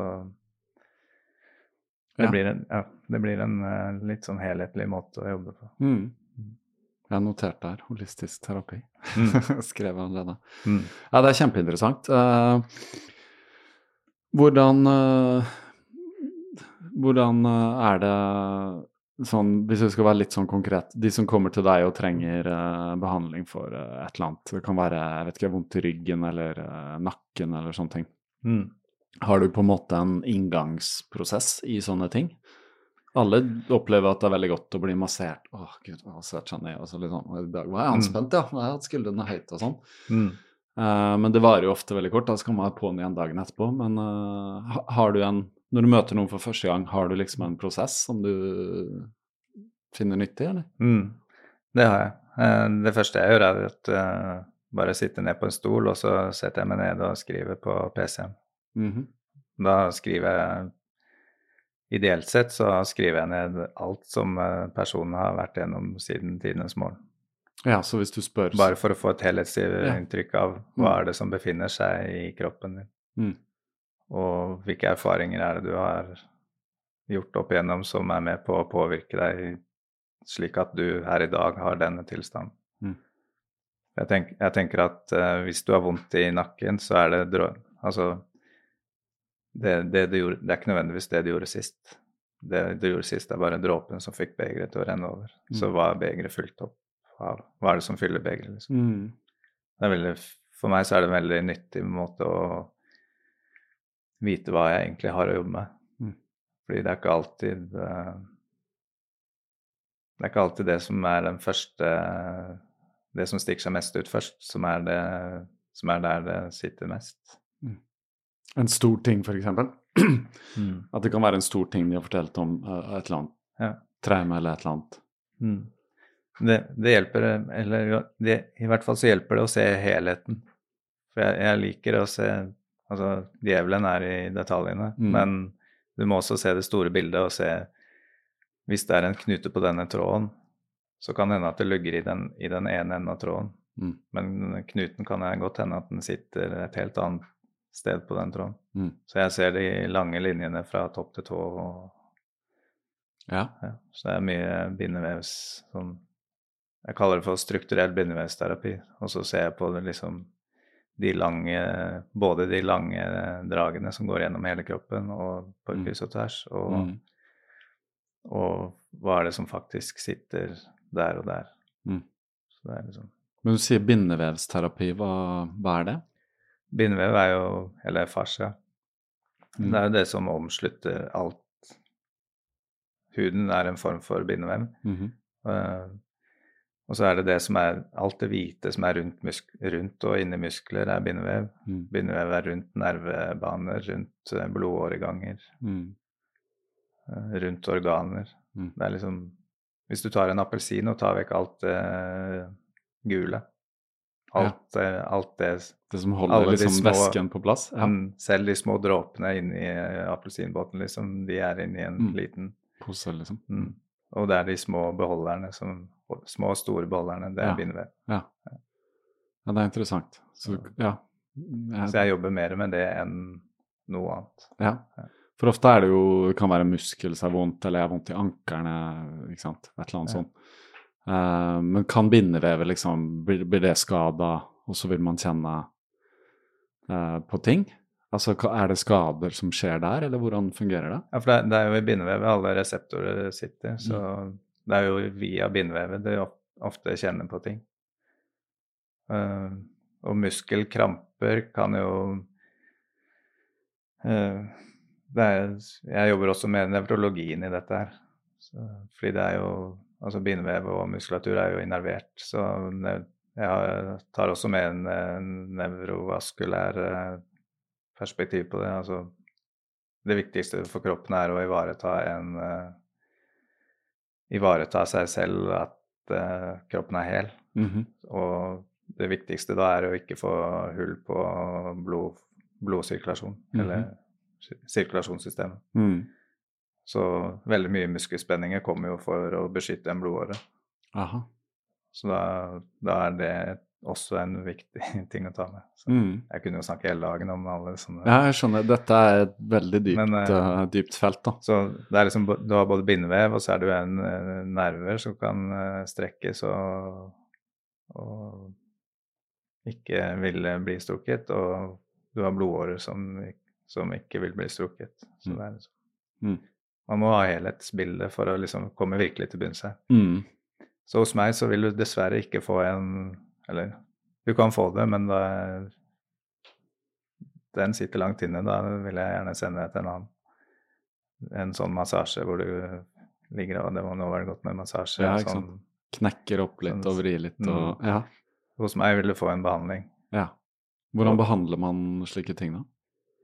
Uh, altså, jeg, jeg bruker jo hender og bevegelse og Jeg bruker mye Hvis du har vondt i skulderen, så bruker jeg mye din egen skulders bevegelse til å behandle den. Mhm. Og liksom liker i hele skulderen for å se hvor er det den kan bevege seg, hvor er det den ikke kan bevege seg. Kan Mm. vi skape litt rom her for at den kan bevege seg litt mer? Mm. Og, hvis, og når vi gjør det, så Ja, nå kan den bevege seg mer. Da er det mindre smerte. Mm. Og så går vi litt ja, lirker litt rundt omkring. Mm. Jeg liker å tenke på det jeg gjør, som å løse opp i floker. Ja. Så et bilde på Hvordan en floke løses opp i, det er Du kan aldri gjøre det på én måte. Nei. Det er fra, forskjellig fra floke til floke. Ja, så fra person til person, da. Fra person til person, Ja. til, fra sted til sted, fra en dag til en annen. Mm. Så samme, samme skulder kan ha en annen måte å bli jobbet med fra en uke til neste. Ja. Ut ifra hvor hvor vi er i floken hvor langt vi har kommet, og hvor vi skal. På samme person, til og med. Ja. Så det er ikke liksom én Eller noe så jeg har ikke en protokoll hvor jeg sier Nei. sånn gjør jeg det. mm. Nei, jeg Pro protokollen min er at hva er, hva er helheten, hvor er vi, hvor skal vi? mm. Ja. Og det høres ganske intuitivt drevet ut, da. Mm. Det er ikke noe sånn uh, ja, protokoll som du sier at gjør A som fører til B som, videre. Ja. ja. Nei, det, det er jo noe som jeg har En av de tingene som jeg lærte i Statoil, det var jo eh, Hva skal vi se Hva heter det igjen, da? En prosess der? En eller? prosess, ja. Ja. Hvor du stiller minst fem ganger hvorfor. Hvorfor er det sånn? Hvorfor Mm. er det sånn? Mm. Root cause analysis. ja. Mm. Du stiller det, spørsmålet Root for cause analysis er en eh, veldig ny, nyttig metode som jeg har tatt med meg fra min tidligere jobb i, som finansanalytiker i Statoil. Mm. Så jeg stiller minst fem ganger bakover hvorfor det, hvorfor det, hvorfor det, hvorfor det, hvorfor det. Mm. Og så har vi kanskje kommet til hvorfor den, det symptomet som gjør vondt i dag, hvorfor det er det. Mhm. Så du stiller det spørsmålet til den du behandler? Eller, Ja, eller, til, eller deg? Jeg har eller? det med meg, og så Ja. Ikke nødvendigvis uttalt. Kanskje jeg stiller det i klartekst en av gangene, men det er i hvert fall en måte å jobbe på. Mm. Det er for å komme seg på en måte dypere inn? Ja. Ja, Ja, det er interessant. Hva kalte du prosessen? altså, Hvordan den, heter eh, root cause analysis. Root cause, ja. Mm. Mm. Rotårsak. Mm. Ja. Hva er det som virkelig er eh, roten til dette? Mm. Er, Og ved å finne roten til det, så er det ofte løsningen. da er det Jeg tror den kommer fra Japan, den tilnærmingen. At du stiller, stiller spørsmålet hvorfor fem, minst fem ganger. Mm. Interessant. Uh, det burde vi gjøre oftere generelt med ting vi Hvorfor vil jeg dette? Hvorfor Ja. vil jeg løpe Jeg tror det er, jeg tror det er mange, ting i livet, man, mange ting i livet man kunne stille det spørsmålet med, og så Ja. Blir den uh, umiddelbare oppfarenheten kanskje litt sånn ja. ja. Mm. ja det er, jeg har også hørt dette i andre sammenhenger. Eh, sånne generelle oppfatninger vi har. og stille litt spørsmål. Hvorfor det? Og så kan det gå ofte altså, Sånne ting vi frykter, da. Mm. Ofte kommer det nesten alltid tilbake frykten for å dø, rett og slett. det Mm. kan være sånn Hvorfor er jeg redd for uh, dårlig økonomi? Jo, for det, da har jeg ikke råd til å liksom, ha tak over hodet, og da har jeg ikke råd til å spise, og da sulter jeg, og da vil jeg ikke kunne jobbe, og da Ikke sant? Og så kommer man Mm. tilbake til det, så er det nesten alltid som frykten for døden, da, Mm. som er den vi i hvert fall begraver. Eh, Alle er klar over døden og sånn, men vi er sånn Nei. Til det plutselig skjer noe et eller annet sted. Alltid et sjokk. Men uh, det, det, det er en digresjon også. Men, eh, Mm. Det er interessant. Veldig interessant. Så um, Ja, så det er én ting, liksom, å komme til det. Men så er jo en av de tingene som jeg ser du er opptatt av for tiden, som vi kan komme litt inn på, er jo rent fysiologisk, da. Eh, litt sånn Du har skrevet faste og fettforbrenning og kutte sukker, og er det men du mener sånn prosesserte ting og nesepusting og andre sånne ting. Eh, har du har du noen råd som du kommer med? Har du eksperimentert med deg selv, eller hvordan Rent fysiologiske ting, da. Hvis du spør Mm. noen spørsmål, så spør du kanskje om litt sånn vaner og sånn også? Om det er trening, om det er spising, om det er søvn, om det er Prøver du å få et bilde på det med de du snakker med? Jeg pleier å spørre om hvordan det er med energinivå og søvn. Fordi det Da trenger jeg ikke å vite så mye om livet deres, men da vet jeg mye om livet deres. Mm. Hvis, hvordan du sover og hvordan energien du har, det er, en, det er en veldig god indikator på ikke hva du gjør i livet, men om du har det bra med det du gjør i livet. Mm. Mm. Og hvis ikke du har det bra med det du gjør i livet, så, det, så går det utover søvn og energi med en gang. Ja. Mm. Det er veld, veld, veldig tydelig. Uh, Mm. Det gjør det. Alle vet jo i stressperioder kan våkne på natten og begynne å tenke på noe gnag og, og ja. Ja. Vel, Så- I dag er det vel ingen som ikke har en bekymring i verden. Hvis ikke Mm. du er en munk i et eller annet kloster eller noe sånt. Så i dag har vi voldsomt mye, føler jeg, å tenke på. Vi har så mye informasjon, og vi har så mye Ja. Uh, men, uh, men Nei, det, det, ser jeg at det er uh, Noen lever godt, eller har det godt i livet sitt og liksom klarer å finne ro med det som er, på mm. tross av at det er mye, mye som skjer. Mm. Men jeg ser at det er Det er flere som hvor det påvirkes nå enn det var for to år siden, mm. eller tre år siden. Før pandemien, ja, før pandemien faktisk. Ja, ja, mm. ja. Men hva, hva, hva, har du testa litt noen fasting? Uh, jeg så jo på mm. Vet ikke hvor du er nå, men jeg, så, jeg tror jeg så på Strava du skrev litt om teste og løpe og faste og sånn. Ja. Nå skjønner jeg at faste, særlig sånn intermittent fasting, er det det heter på engelsk? Mm. Jeg vet ikke hva de kaller det. Periodisk faste. Periodisk faste. Mm. Uh, og så er det en annen slags faste også, som handler om å spise lite eller bare visse ting og sånn. Ja, sånn uh, fasteimiterende Ja, fasteimiterende. Mm. Altså, ja, det ser jeg. Uh, har du testa litt disse tingene? Det har jeg testa selv. Det er absolutt ja. ikke noe jeg Altså, jeg kan Det er ikke noe jeg benytter i min behandling. Nei. Så behandlingsmessig så er det noe annet. Ja. Det, hva, hva folk gjør, det må de velge selv, liksom. Mm. Men, det virker som mange er opptatt av dette her nå for tiden. Mm. Men for min egen del så jeg, jeg er nysgjerrig, jeg liker å teste ut ting. Og eh, en ting jeg har stussa litt på når jeg har løpt ultraløp, er jo når jeg sitter med kaloriregnskap etterpå, mm. så har jeg summert opp hva jeg har spist og mm. drukket. Og hvor, så ser jeg på klokka hvor mye har jeg brukt. Mm. Så ser jeg det er en svær differanse. Ja. Hvor kommer den differansen fra? Mm. Du har brukt mer enn du har fått inn? Mm. Ja.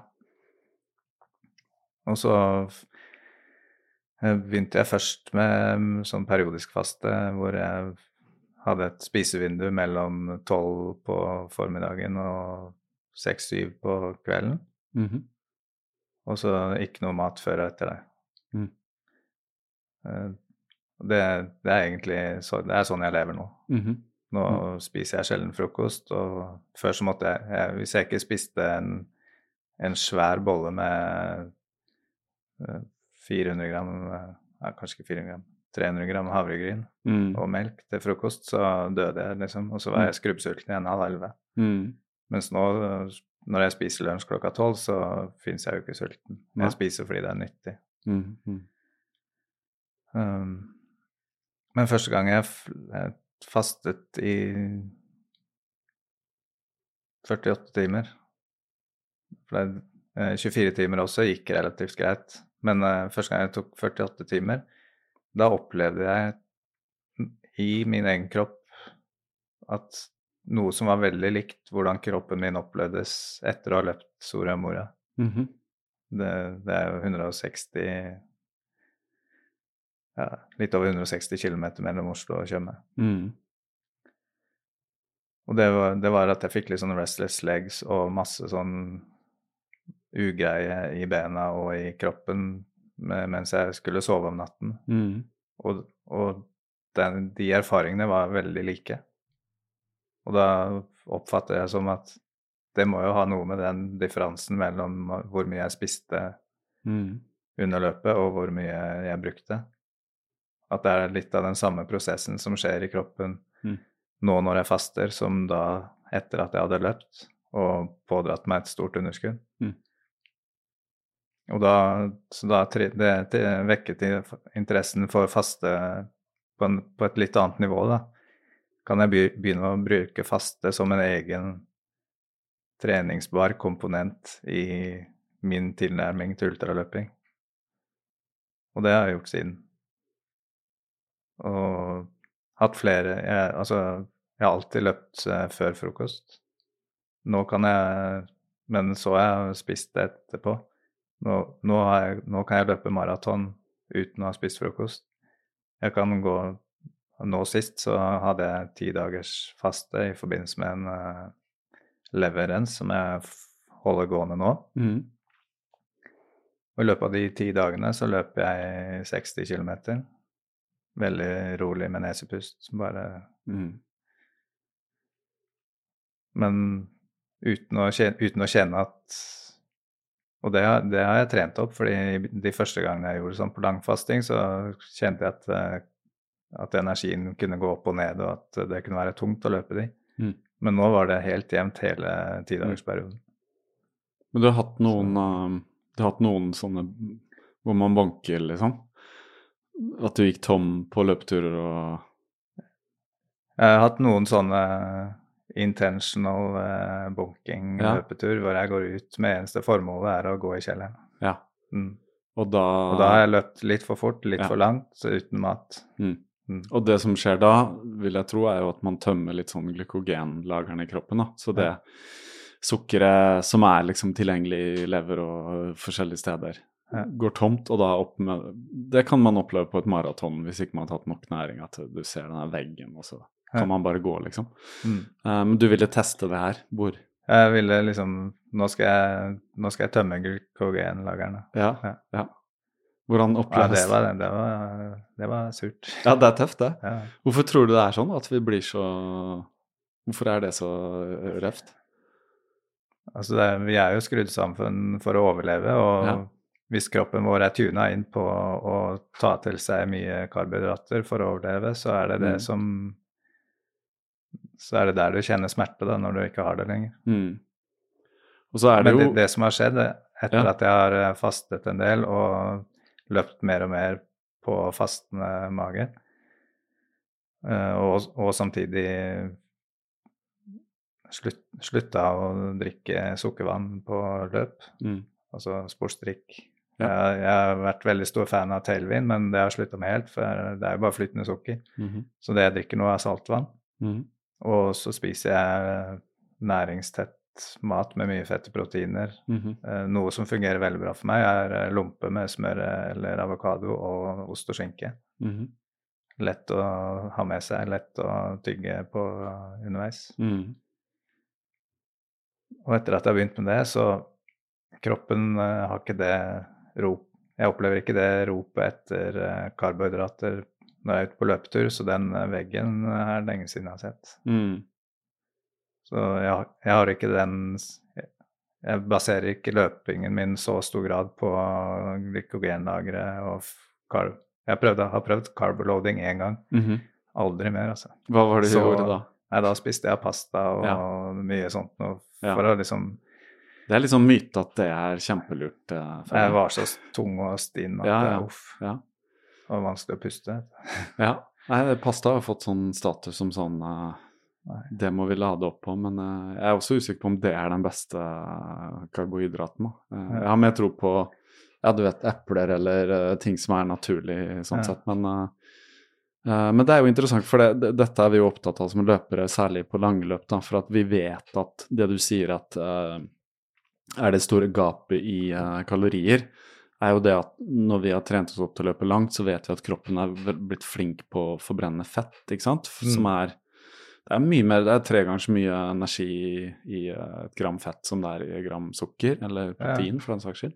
Så det er en voldsom på en måte næringskilde, da. Eh, Og det er jo derfor kroppen lagrer fett og dyr og sånne ting.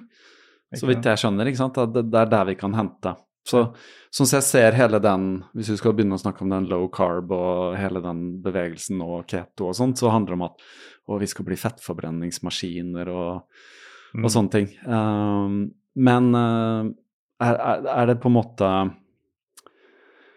uh, Jeg tenker på hele den der sukkertingen, da, og sukkervann. For så vidt, som du sier, Mm. tailwind eller gels eller hva enn. Og det er jo en sånn ting. Det er på en måte litt sånn til nøds uh, når vi løper, da. Tenker Mm. vi i hvert fall. Og jeg har hatt suksess på å løpe maraton ved å liksom spise, spise det hver 50 km. Og når jeg banka, så gjorde jeg ikke det. Så jeg skjønte at kroppen trengte det. Men, eh, men er vi Jeg tror det vi fram til er liksom sukker. Er vi Er det blitt litt sånn fienden fordi Uh, fordi vi oppfatter det som ufattelig usunt, og, og det er liksom gift for kroppen og sånne ting. Er, er, det, er det liksom en sånn oppfatning nå? Jeg vet ikke For vi snakker om Nei. carbs, til og med du Mm. brukte ordet carbs, og jeg hørte sånn kona si carbs. Så jeg er liksom litt sånn Jeg er bare litt nysgjerrig på det. Hvor kommer på en måte Tydeligvis kommer fra USA, da. Mm. Så det er liksom uh, At vi, bare det ordet carbs har fått en sånn Betydningen av det er negativ, da. Mm. Så, Sånn oppfatter jeg det. Ja. Hvis noen sier carbs Ja, det er pasta. Det er liksom Ja, hva Mm. annet er det, da? Det er alt som er uh, prosessert, tenker jeg, av sukker. Ja. Altså det er jo karbohydrater selv i et eple og i, Ja. i en appelsin, så eh, karbo er ikke karbo. Nei. Um, for min egen del så jeg, jeg tenker ikke at det er fienden, men jeg tenker at sukker er å ha turtallet på 8000. Mm. Det er ikke der du skal være hele tiden. Du kan, eh, du kan dra opp på turtallet innimellom, men det er ikke der du skal være. Mm. Hvis du løper på karbo, så løper du med, med motoren på turtall 8000. Mm. Det er ikke bærekraftig i lengden. Nei. Men det, så- men det betyr ikke at du aldri skal være der. Jeg tenker at det er lov å spise karbo, det er lov å kose seg med ting, liksom, hvis det er, det, hvis det er der du finner kosen. Mm. For min del nå så går jeg på en eh, lavkarbodiett hvor jeg prøver å redusere inntaket av karbohydrater. Mm. Men er det da generelt, eller tenker du på For det, det, det er det jeg vil fram til, da. At du sa karbo Mm. i Altså karbohydrater, da, som det Mm. heter. Også bare en slags samlebetegnelse sånn som protein ikke sant? og fett. Ja. og det er liksom Hvis du skal begynne å dele det opp, så er det jo masse forskjellig. Og jeg tenker at karbohydrater i et eple er jo ikke det samme som i eh, raffinert sukker, da, for Ja. å si det sånn. Jeg tenker at alt av banan. Jeg tenker carbs som kommer ut av et firkanta bygg med pipe på, bør Ja. du unngå. Ja. Og det er det jeg prøver Det å komme fram til. er liksom Ja. Alle vet jo hva en liksom kilo hvitt raffinert sukker er. Det er jo karbohydrater, men det har ingen andre næringsstoffer, da. Ja. Mens i en appelsin, en banan, sånn, så det, vet vi at det er andre ting, og det er liksom Ja. naturlig for kroppen, da. Så jeg bare tenker uh, Unngår du frukt og sånne ting òg, eller? Nei. Nei. Um, det jeg unng- ehm, akkurat nå så går jeg på en litt streng diett, så nå er det Nå unngår jeg også Altså søtpoteter er liksom grensen, Mhm.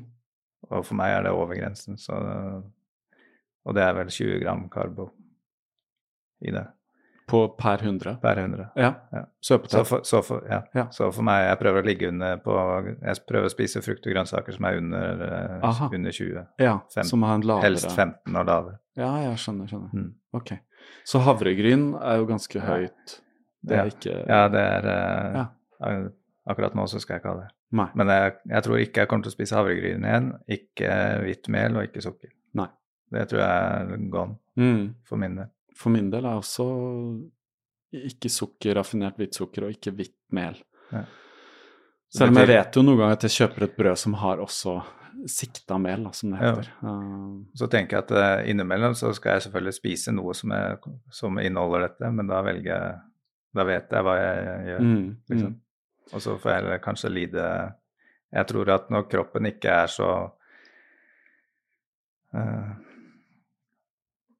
Når den ikke er så vant med å spise den maten, så kjenner du mer hva som skjer i kroppen når du faktisk gjør det, Mm. og hva det faktisk gjør med kroppen. Mm. Du blir ikke så fartsblind. Nei.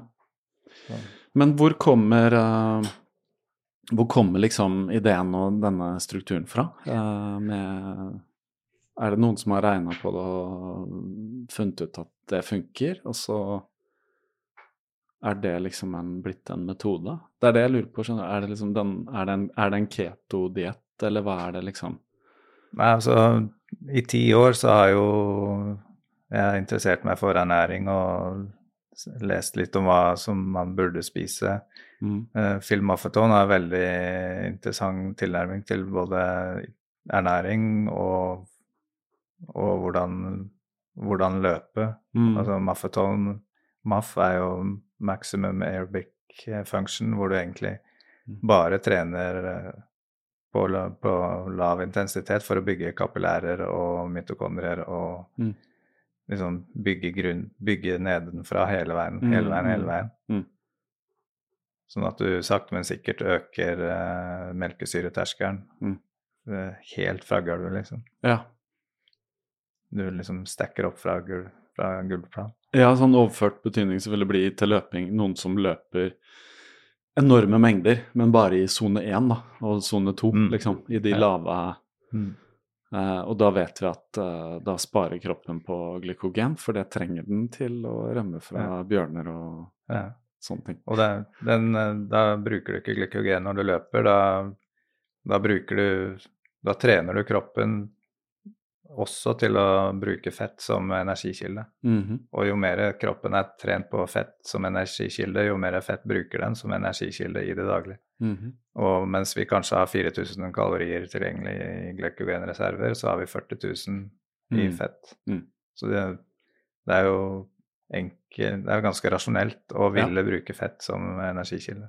Og antagelig sånn det er overlevd i perioder, eh, i hvert fall i visse deler av verden. da. Eh, men er det sånn at kan man spise, vet vi det, kan man spise fett underveis i et løp, og så klarer kroppen å gjøre bruk av det? For at, så vidt jeg forstår, så er det helt andre eh, nedbrytingsprosesser i kroppen som må til for å bryte ned fett og gjøre bruk av det, enn Mm. i en simpelt sukker, da. Eh, og det Mm. verste er liksom det mest simple sukkeret, som er ja, hvitt sukker. Drikk det i vann, så pang, så går liksom eh, blodsukkeret opp Mm. og så går det ned. Men når det er bundet til eh, andre ting og fins inni ja, levende celler i et eple, da, så må Mm. det brytes ned på en annen måte, og så er det jo sukker, men det tar litt lengre tid. Ja. Men med fettet man spiser underveis, der må det liksom en helt, Kroppen må liksom koke opp galleblæren og skille Mm. disse fett eh, og protein og alt det her. Er det mulig å bruke underveis, vet du det? Jeg, er ganske sikker på at fett eh, går an å bruke underveis. Proteiner er det vel mer omstendelig å omgjøre til energi. Men, mm. Det brukes men, mest som reparasjon og byggestoffer Ja. og sånne ting. men eh, fett, fett kan du bruke. Ja, men det blir kanskje litt individuelt, da? Eller- Det jeg tror jeg ikke. Nei, jeg bare tenker på i forhold til om man har liksom, hvil- hvilke kosthold man har hatt, og sånn som du sier at nå har du lært kroppen din Ja. til å ja, altså, jo, altså hvis, hvis du er karbohydratdrevet, mm, så, så kan du ikke bare Nå skal jeg, Mm. nå skal jeg bare løpe på fett. Da tror jeg du Nei. får en trist uh, hvert fall- ja, ja. Jeg ville ikke gjort en sånn endring rett før Nei. konkurranse. Så det handler om å prøve seg litt fram og teste ut. Ja. Ja. Og, og som jeg tenker, det er også en, et aspekt med langløp, Mm. eller ved løp i det hele tatt, Mm. som det går an å trene på. Mm. Og liksom ha et litt mer bevisst forhold til hva man putter i seg, istedenfor å tenke at uh, inn, inn med alt. Ja. Uh, det, er, det, er liksom, det er ikke der uh, konkurransen avgjøres. Nei. Jeg vet det er noen som har en sånn tilnærming til det, men jeg tenker at hvorfor skal det hive dårlig bensin på en perfekt motor, liksom. Mm. Så, Ja, dette er jo egentlig kjempeinteressant for så mange som lytter som er opptatt av ultraløping, og der er ofte liksom Det kan avgjøres da, i ernæringen på spesielt lange løp. Og sånn som jeg skjønner det, er mange som opplever liksom Å nei, søren, magen slo seg vrang. Da kunne jeg altså Klarte ikke ta til meg ting og Så da handler det kanskje om at man har spist noe som hvis man ser bort fra eh, dagsform og sånn, at man har spist noe så kroppen klarte rett og slett ikke å omsette i energi. Ja. Så det stopper opp sånn sett, eh, Mm. rett og slett. Ja. Så hva, har, du, har du funnet litt Du snakka om eh, lomper med, med holdt på å si peanøttsmør, men det var ikke det. Det ja, var, det var smør. ost, ost og skinke. Ost og skinke. Så fett Smør og og protein. avokado. Ja. Så det er, smør og eh, så det er næringstett, og det er, eh, det er mer trege kalorier hvis det er det, og så er det, eller karbohydrater, og så Mm. er det fett og proteiner. ja. Mm. Uh, lompa i seg selv er vel potetbasert, Mm. så det kan Der er det kanskje noe mel. Jeg har ikke, Ja, jeg har sett, jeg har ja. ikke vurdert den nå i forhold til at jeg nå i Ja, nå er det vel 30 dager siden jeg spiste eh, proteiner og noe som var karbohydratrikt. Så Ja. Så det er ganske nylig mm. at du har, har begynt å teste på dette, eller? ja, det er nylig at Fastingen og, og, og ja, sånne fa ting? Faste har jeg holdt på med et par år nå. Ja. Mm. Men uh, dette er den første uh, virkelig dype leveransen som jeg Ja. kjører. Men fortell hvordan er protokollen på leverans? Det er kjempeinteressant. Vi snakka litt om det før. Ja. Uh, først så var det ti dager med vannfaste, eller drikke vann, kaffe, te. Mhm. Så kaffe, kaffe og te? Kaffe, sånt. svart kaffe. Ja. Men uh, litt mindre, mindre enn vanlig. Du må kjenne kaffen veldig mye bedre enn når man er på en faste.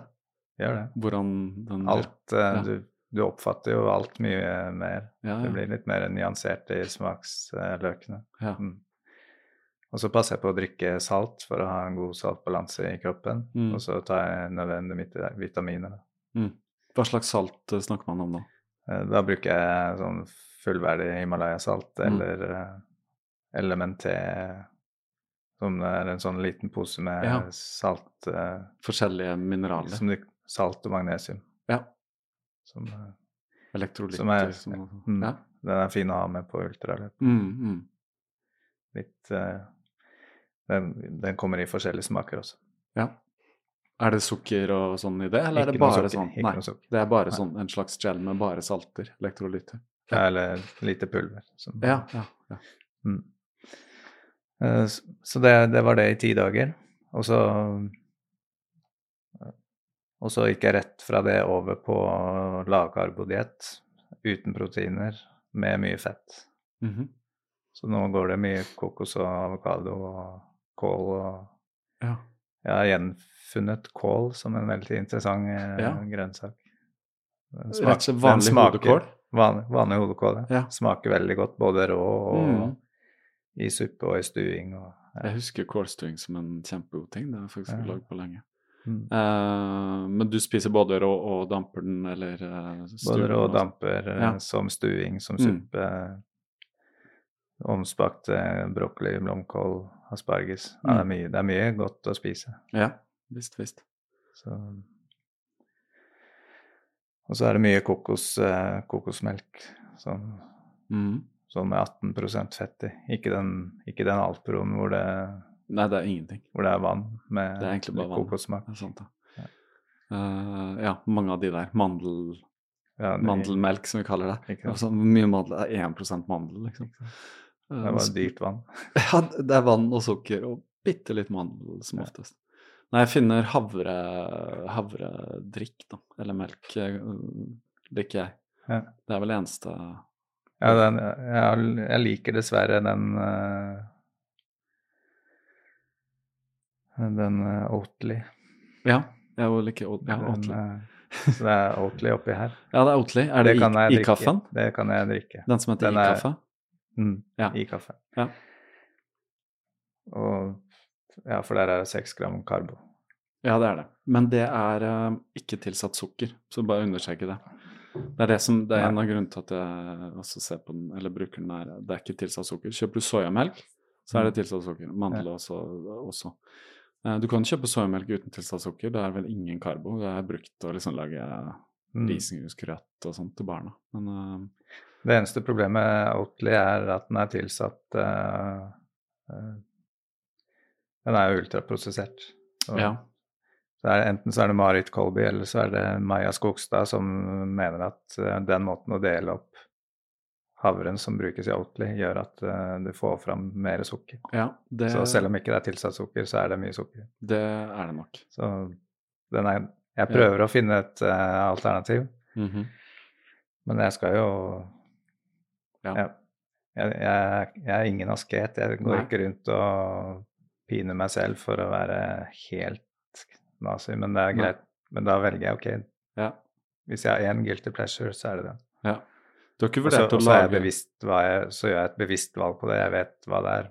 ja, ja, ja. men jeg, jeg, går, jeg lurer ikke meg selv og håper at den også går bra. liksom. Mm. Summen av alt det vi spiser som er laga i fabrikk, det tror jeg ikke er bra for, noe, bra for oss. Og det, det er jeg, jeg forstår jo denne At diett er blitt så stort, og særlig sånn lavkarbodiett og sånn er blitt så stort, forstår jeg som rett og slett en reaksjon på hvor langt det har gått med maten vi spiser. da. Hvor man kan etter hvert bare leve på prosessert mat. og jeg tror det er litt annerledes i Norge, for vi har litt, liksom, vi har litt mer sånn naturlig forhold til ting, eh, eller hva vet jeg, men eh, med generasjonen som vokser opp. Men i USA så har det gått så sinnssykt langt, liksom, med hvordan de holder på. Og alt er liksom Det er kaker eller kjeks eller alt er liksom Og til og med sånn burger og sånn, som også er prosessert. Vi glemmer liksom tilsatt uh, masse greier. Så det er liksom gått så ekstremt langt. Det føles som alt dette er en sånn Det er rett og slett en reaksjon på Mm. at vi er blitt litt uh, forgifta av uh,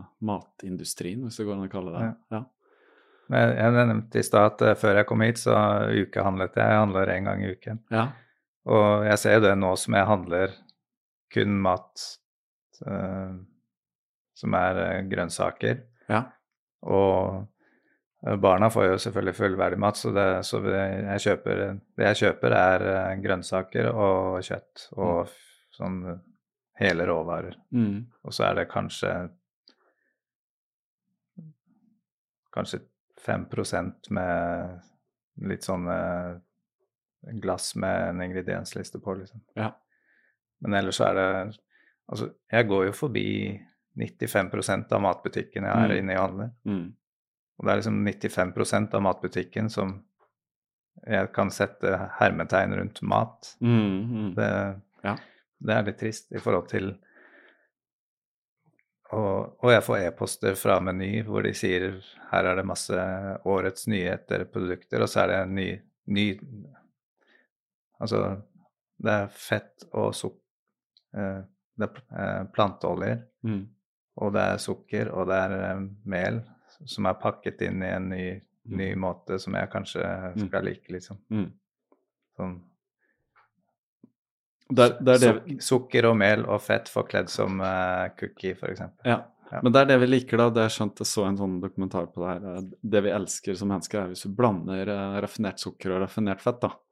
Mm. Setter de to sammen, sleng inn litt uh, sjokolade eller litt salt og litt sånn smak, så bare liksom Det skjer noe med at det er så godt, vet du. Ja. Den kombinasjonen som ikke egentlig fins naturlig i naturen, da. Enten så er jo liksom mat eh, som grønnsaker eller uh, frukt og sånn, eller så er det liksom mer sånn tette ting som nøtter og frø og Ikke sant? Mm. Eller i kjøtt, for så vidt. Um, Ja. Hva er ditt forhold til kjøtt og, og liksom Jeg tenker litt på sånn hvor det kommer fra, og er du opptatt av det? Eller som kjøper det økologisk, eller? Jeg prøver å kjøpe eh, ordentlig kjøtt, Mm.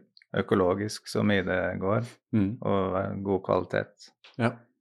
Så, sånn, Ideelt sett så hadde jeg jo bare handla på Reko og Ringen, Ja. men uh, det er ikke alltid jeg får til det. Nei, det er ikke så lett. Men uh... Nei, jeg har sett eh, Jeg har sett eh, Jeg har vært rundt på mange av de gårdene som dyrker økologisk kjøtt, og ser bare Jeg har ikke vært på noen sånne kjempe Hvor det ikke For at jeg, jobb, jeg jobba for Dyrevernalliansen og dokumenterte og sånn, og der eh, drar de rundt til de som mm. leverer økologisk kjøtt. Og det jeg ikke har sett av, av vanlig på en måte dyrehold, er jo bare på bilder eller eh, Men det er noe helt annet hvordan de Mm. lever, og hvordan tanker de har, og hva de blir mata med, og sånne ting også. Ja. Så kjøtt er ikke bare kjøtt heller, nei. faktisk. Nei, en, jeg tenker én ting er hva du putter i deg selv, men en annen ting er hvordan du tar vare på verden rundt deg, hvordan vi tar vare på uh, dyrene våre, hvordan vi tar vare på naturen vår. Mm, mm, Det, det er jo en ting jeg kjenner jeg, jeg priser meg lykkelig hver gang jeg går ut og løper på sti. mm, Helt alene i min løpeverden. Mm. Jeg elsker å finne stier som ingen andre er på. mm, Uh, det at det er mulig Her jeg bor eh, nesten midt i Norges største by, liksom. Mm. Eller Nå er ikke Stabekk midt i byen, men det er jo altså Det er ikke langt det, altså det er ikke langt fra midten i byen. Og likevel så fem minutter så er jeg helt alene. Mm. Det, at, eh, det at vi har sånne verdier, det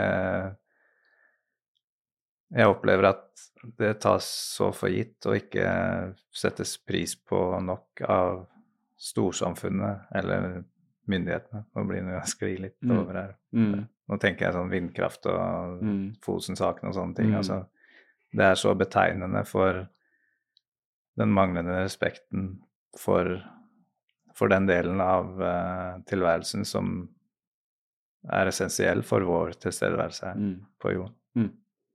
Mm. Det, er der, det det er kanskje der vi har noen av de største utfordringene fremover. Bevare den naturlige verden. Da. Det blir stadig større press.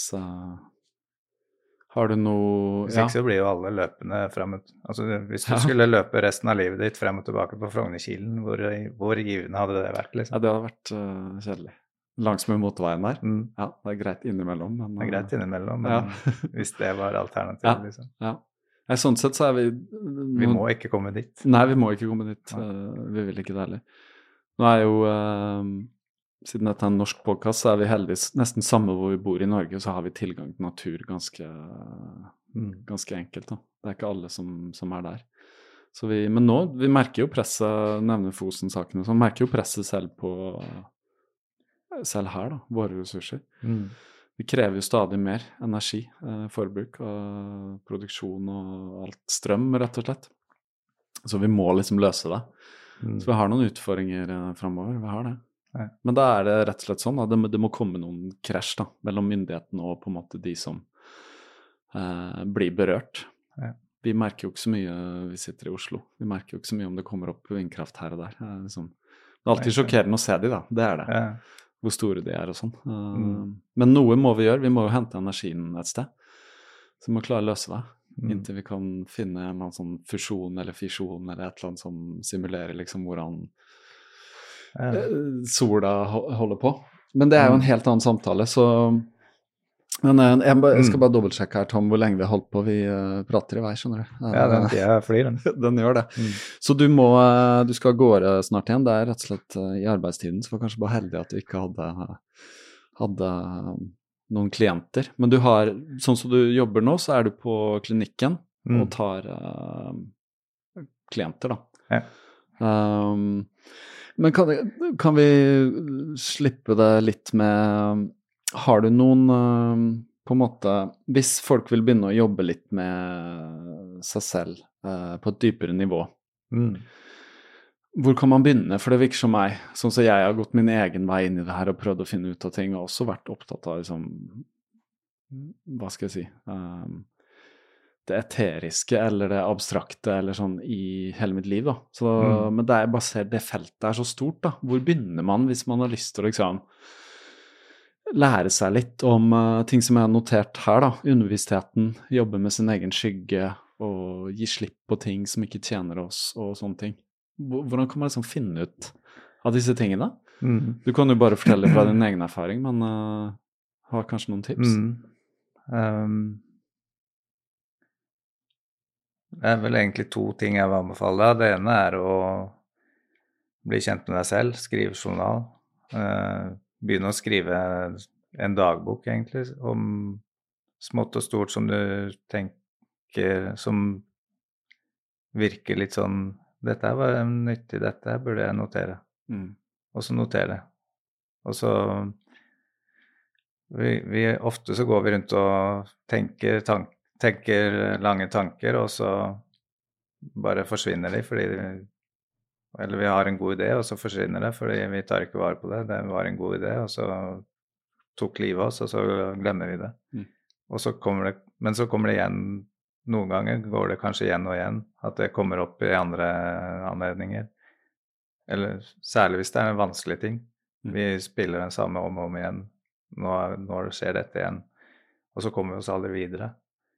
Men hvis du begynner å skrive ned hva er dette her, så er det kanskje nytt Da får du for det første tatt vare på det et sted på utsiden av deg, sånn at du ikke du må gå rundt og huske på det. Og, så, og når du vet at det er, i, var- det er tatt vare på et sted på utsiden av deg, da kan du faktisk slippe det både fra hodet og fra kroppen din. Mm. Ja. Og, så det er en fin måte å liksom Nå både- står det der, liksom. Det står der. Mm. Og da, da kan du da kanskje du slapper av et lite knepp mer. Mm. Det, er en, det er et fint sted å begynne. Mm. Kan det, være, det kan være små ting, store ting, det kan være to linjer, det kan være en side. Alt mulig. Men kan jeg spørre om en ting der, for jeg har uh, praktisert det mer og mer uh, med Mm. åra, da. Men jeg tar meg selv i, og det er kanskje andre som gjør det, jeg tar meg selv noen ganger i å skrive ting så jeg blir redd for at andre skal se. Tenk om Mm. noen, ikke sant? Ting som kan være vanskelige, liksom tanker Ja. man har som man på en måte blir litt sånn Mm. At dette tåler kanskje ikke et dagens lys. Dette, her ser jeg at det er noe Jeg har noen liksom negative ting eh, som jeg Tommel vil opp. skjule litt. Ja. Veldig bra. Ja. Tom, tommel opp. Sånne ting er bare gull å få skrevet ned, fordi dette er bare for deg. Mm. Hvis du vil eh, skrive det om å gi ut en bok en gang, så selvfølgelig. Så er det også Knausgård har gjort det, han. Han har det. Ja. og, og, og, og når det er Mm. sagt Kjempepopulært. Ikke sant? Dette ville folk. Ja. Ja, vi vil inn i Og der er vi jo litt inn på skyggesiden, for han skrev eh, sine skyggesider rett Ja, ut, altså. Der er det både alt som er bra, og alt som er skikkelig dårlig. Og Mm. hvis Altså, Knausgård er Å lese Knausgård eh, Jeg, jeg holder på med eh, sjette boka nå. Jeg Ja. begynte å lese det for et par år siden. Så jeg har bare tatt tatt hele min min kamp. Min kamp, ja. Mm. Så jeg begynte å lese det litt sent, men jeg tenker at det er god litteratur fortsatt. Og eh, for meg så er det Det er mye som settes i gang når jeg leser de tingene der. Altså. Mm. Som, som om jeg ikke allerede har fått tak på det, så får jeg tak på det nå, og kan Da havner det også gjerne inn i den eh, Mm. noen av- ja, flere hundre siders dokumentet som jeg har begynt, som jeg begynte å skrive på i 2015. Mhm. Et digitalt uh, Ja, bare et langt Word-dokument hvor jeg Ja. bare skriver dato og tema, og så skriver jeg det som Mm. dukker opp. mm. Så ja, nei, skriv ned alt. Skriv som om ingen skulle lese det. Ja. Det er kanskje det som er viktig jeg Mm. ville fram til, for jeg tar meg selv i å Ja. Jeg har en sånn, jeg er litt forskjellig, jeg har noen sånne bøker som det her, som er bare sånne notatbøker, men jeg, faktisk i år også så kjøpte jeg meg en sånn du vet, en sånn kalenderbok. Eh, som har én side per dag, da, og så har den uh, i helgen så deler du to sider. Det er vel mer ment for Ja. jobb og sånn, men jeg prøver å skrive litt sånn. Hvis Mm. jeg får det til når jeg våkner, så skriver jeg kanskje jeg har drømt noe, eller hvordan jeg sovet og sånn, og så prøver jeg noe på kvelden. Mm. Og så kan det gå noen dager uten at jeg har gjort det, men da prøver jeg å backtracke litt. nå. Mm. Uh, den ligger jo bare framme hjemme, og hjemme har vi sånn at det er ingen som går og snoker i liksom, Ja. noe som helst, så det er greit. Men ja, så, men man kan jo ha et skrin da, med, med lås. Ja. som er, Ja, eller et Word-dokument som er liksom passordbeskytta, eller et eller annet sånt. Ja. Uh, ja. Mm. ja, det er en én ting. Og apropos drømmer, så hvis du, har, hvis du drømmer, så skriv ned de også. Mm. Kanskje ikke de gir mening, men uh, hvis, det, altså, hvis du skal ha med deg én ting for at du drømmer, så er det arketyper og symbolikk. Mm. Og så Der er du inne på noe kan det Og så kanskje det kan eh, Sannsynligvis så det en eh, så har det en betydning, men hva det har, det, det vet man jo kanskje ikke nødvendigvis. Men Nei. skriv ned.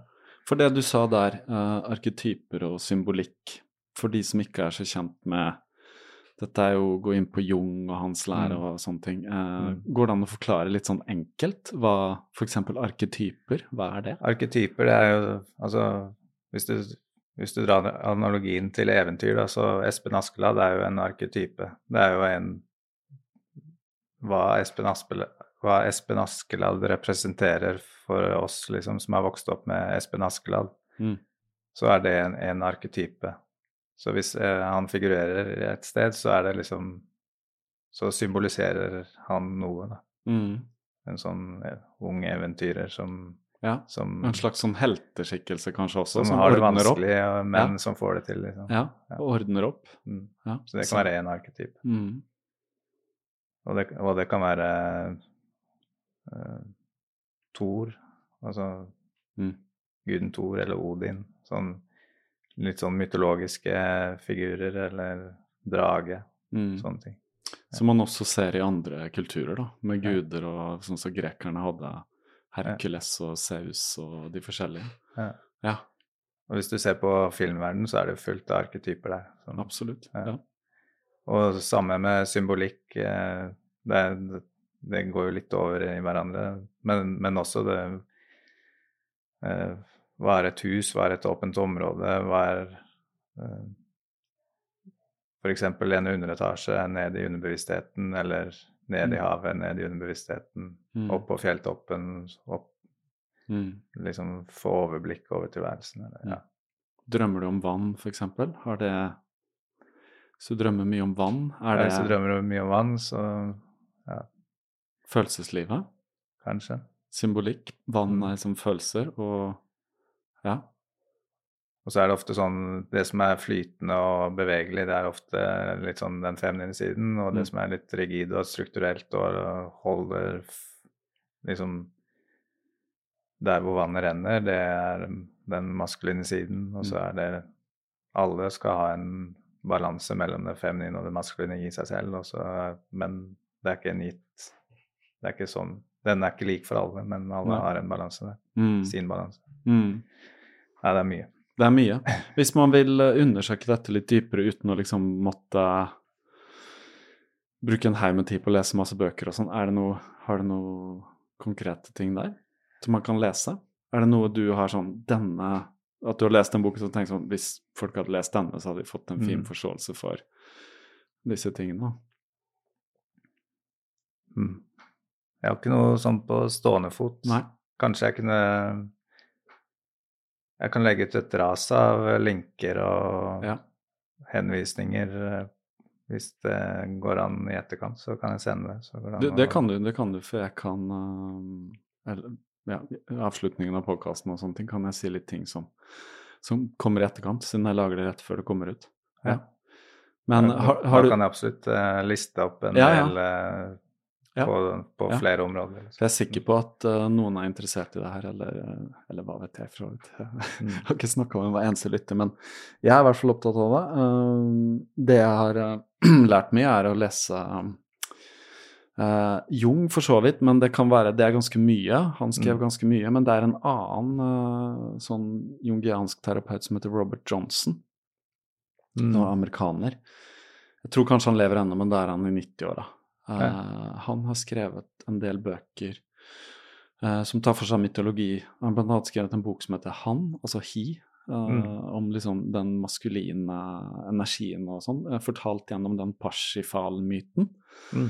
Og The Holy Grail og The Fisher King og sånne ting. Mm. Og det er sånne små, korte bøker på kanskje bare en hundre sider eller noe sånt. Mm. Kjempeinteressant. Spennende. Ja, veldig spennende. Masse Og gjennom sine egne Mm. erfaringer. Så han bruker liksom mytologien til å fortelle noe om det psykiske i mennesket, Ja. som er på en måte Som ligger der, da. Mm. Uh, under på en måte personligheten. eh, Som er liksom felles Mm. for alle mennesker, da. Uh, og det ser man liksom på tvers av kulturer og tvers av tid og sånne ting også. Mm. Så det, det er liksom Så ja, det kan være et tips jeg kan gi. Ja. Nei, Robert. Johnson heter han. Eh, Johnson. og han har skrevet mange mange bøker. Han har skrevet He, She og We, og We handler om liksom Mm. paret, den enorme energien som oppstår liksom i kjærligheten mellom to og sånne ting. Uh, han har skrevet en bok som heter Ecstasy, om liksom det dionysiske og sånne ting. Uh, Jeg lurer på om vi ikke vi har andre. noen av de bøkene. ja, mange andre. Han har skrevet uh, også en bok som heter Jeg tror den heter Kanskje heter den Transformations eller noe sånt. Den handler liksom om litt sånn utviklingen også, eh, når man selvfølgelig blir litt eldre. Mm. Og går fra liksom det enkle mennesket, da, som vi ser på som urmennesket som levde i pakt med naturen, til det komplekse mennesket som der mange lever i dag, hvor vi liksom har strukturert alt, på en måte. Og hvordan komme tilbake til å leve mer som et enkelt menneske, da, ved å liksom Mm. transcendere den komplekse, bekymra mannen, da. Og da bruker han litteratur som eksempel, liksom med Don Quijote uh, som et eksempel, og Hamlet som den mannen som sliter med valg og sånn, som er veldig, veldig sånn moderne, og så Mm. Goethes Faust, da, Ja. hvordan man liksom kan ja, det, Så der er det masse, men uh, Og det er spennende også. Det er sånn, Spennende. ja, veldig spennende. Så Ja, liten, Jung og den retningen der, der er det mye, mye matnyttig, opplever jeg. Det er veldig mye matnyttig. Mm. Kjempe, kjempe. Så, ja. Og han har fått han, Nå har han liksom en posisjon i psykologien eller psykoterapien som er veldig sånn befesta. Mm. og det er jo veldig ofte også sett på som to retninger, liksom Freud og Jung. og Ja. at det er, sånn, er du jungianer eller freudianer? Og så, eh, ikke sant? Så litt mer sånn hva de så på av forskjellige ting. da. Ja.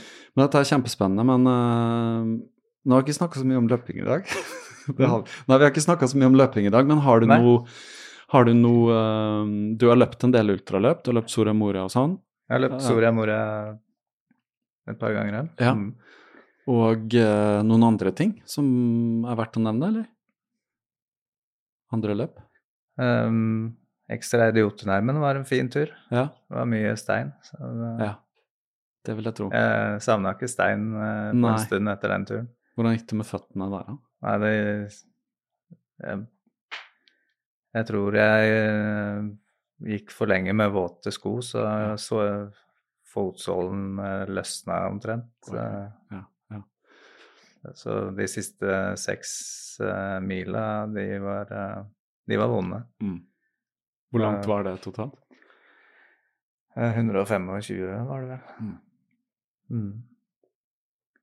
Har du noe Nei, de, nei, ikke de siste seks mila. Så ille var det ikke. Siste eh, seks timene var det. Ja. Mm. Ja, det er ille. 30 timer brukte jeg på den turen. Nei. Så eh, jeg var ikke i teten, for å si det sånn. Nei, men du gjorde en erfaring, Men da. eh, jeg gjorde meg en erfaring, ja. Ja. Så Alltid ha med solkrem. Ja visst. Ja. Har og ikke, noe ikke, bli, ikke gå med for våte fottøy for lenge. Nei. Ja, det var vondt under føttene. Jeg kunne ikke løpe. Så jeg måtte, og gå, gå nedover var jo Følte liksom at fotsålen løsna Mm. for hvert skritt. Nei, uff. Ja. Det var ikke bra. Det var en eh, litt uh, lite heldig oppfølger fra Jeg hadde jo nettopp tatt andreplassen på Soria Moria Aha. i mai, Mm. og så forsøkte meg på Eco Trail helga etter. Da måtte jeg bryte etter fem mil pga. hofta låste seg. Mm. Så stoppa Bare veldig kort tid etterkant. stoppa jeg i Søkedalen. Mm. Ja, u- helga etter. Mm. Det er litt kort, da. Det var åpenbart. Ja. Jeg, jeg, tenkte, jeg hadde lyst til å prøve, ja, jeg skjønner. men eh, det, det gikk jo i fem mil. Ja. Og så låste ofte, seg. Ja, jeg fikk en eh, Det var, uh, var veldig tåpelig ting å gjøre, egentlig. Ned fra Frognerseteren så løp jeg litt for fort i en av de bratte, Mm. bratte utforløpingene på, på skiløypa der. Mm. Mm. Og da satt da hogg hamstringen til, og så låste hofta seg. Mm. Så det var bare brastopptaket mulig Ja. Så jeg løp litt til, og så fra Voksenkollen eh, til Sørkedalen så gikk jeg. Og så er det en stasjon på Sørkedalen og mulighet Og- for å komme seg hjem. Ja, Mm. tok buss derfra. Ja. Det var surt. Men Ja, det er eh, jeg lær, lærte noe der òg. ja visst. Ikke minst i forhold til kroppen, da, hvordan eh, hamstring og hofte henger sammen. Mm. Så. Har du Men du Det, er my, det er mye av min kompetanse på behandlersiden som eh, kommer fra egen, eh, egne skader? egen smertefølelse. Ja, ja. Ja. Men det må jo være ganske nyttig, da. Det det. Fordi du behandler. For du, ja, du har opplevd det selv, og du vet kanskje litt om årsaker og sånn. Men det høres ut som belastningen total må ha vært ganske stor, da. Ja. Men det er også en skjev, en grunnleggende skjevhet som Ja. Fordi det var, dette var jo 2018. Um, og jeg merk, det var et eh, veldig godt løpeår. Men jeg merka at jo mer jeg løp, jo mer og mer skrudde ting seg til. Høyre benet ble sterkere og sterkere, venstre benet bare hang med. Mm. Og sånne ting. Og det var jo en grunn til at uh, når jeg oppdaget atlaskorrigering, så, Ja, det må du fortelle litt så om. Så har det bare opphørt helt. det står her. Så Ja. For det, det var noe Harald fortalte meg om. Uh, og Vi spilte en påkast sammen, men vi hadde jo en kaffe i forkant hvor han Ja, da fortalte han om det, og sin egen reise litt der, og at det hadde gitt masse aha i forhold til små skader han sleit med og sånn. mm. Uh, fortell litt om det. Hva, er atlaskorrigering? Eh, Atlas er jo den øverste virvelen i nakken, Mm. Som, som med, går helt opp til hjernen? helt opp til eh, hodeskallen. Ja. Og den eh, Hvis eh, Nå bare viser jeg med hendene her. Hvis, hvis den ene håndflaten er, er atlasvirvelen, og den som ligger oppi den, er hodet, Mm. eller en neve oppi der, så skal hodet følge den virvelen når det vrir hodet fra side til side. Mhm. Det som skjer når atlas ikke er på plass, er at hodet overroterer der. Og dermed så oppstår en ubalanse i hele systemet for å gjenvinne balansen. Mm.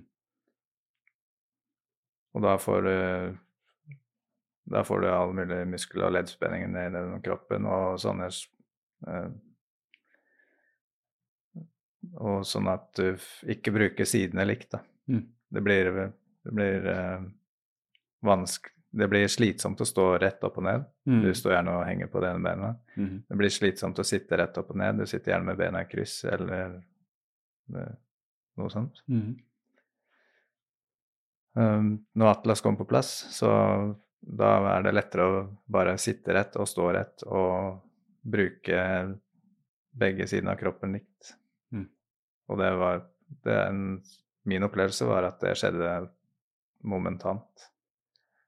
Så Når den ble korrigert? når den ble på korrigert på meg Ja. Så når jeg løper nå, så uansett hvor langt jeg løper, så er det ingenting som skrur seg til. Mm. Uh, sist jeg løp Soria Moria, så var det jo bare Når jeg kom i mål da, så var jeg selvfølgelig sliten, men jeg hadde ikke den samme opplevelsen som jeg hadde hatt i de andre gangene, at uh, nå, må jeg, nå må jeg til behandler og bli frigjort igjen, liksom. Mm. Mm. Så Hvordan kom du over dette, da? Eh, Den korrigeringen? For det har ikke vært så veldig kjent, så vidt jeg har forstått. Nei. eh, Det, det var hun som tilbød det kurset. Hun hadde et eh, forkurs, eller et introduksjonskurs, Mm. hvor hun viste litt om hvordan du undersøker og tester. Og så viste hun behandlingen på, no, på noen pasienter som var der. Mm. Og når jeg så det var, hvor stor endring som skjedde umiddelbart, Mm. så var det bare Det var Det var nesten som å overvære et mirakel. Mm. Det, det, var en, det var en av de var en liten jente som hadde veldig skjevt bekken, sto skjevt, satt skjevt, hadde skjevt bitt. Og så bare fikk hun den på plass. Mm. Og rett med en gang. Mm. Det ble jo emosjonelt å se på. Ja, absolutt. Å se en liten jente som har vært plaget med liksom Du så hvordan skoene var slitt og sånt, og liksom hadde hatt øh, mye smerter i den lille kroppen sin, og plutselig så bare ordner alt seg. Mm. Og når jeg så det, så bare Dette her er Hvis, hvis jeg driver og løser floker, Mm. Så dette her er prikken over i-en. Ja, ikke sant. Dette her, uten dette så kan jeg løse mye floker, men de vil skru seg til igjen Mm. hvis jeg har dette her. Så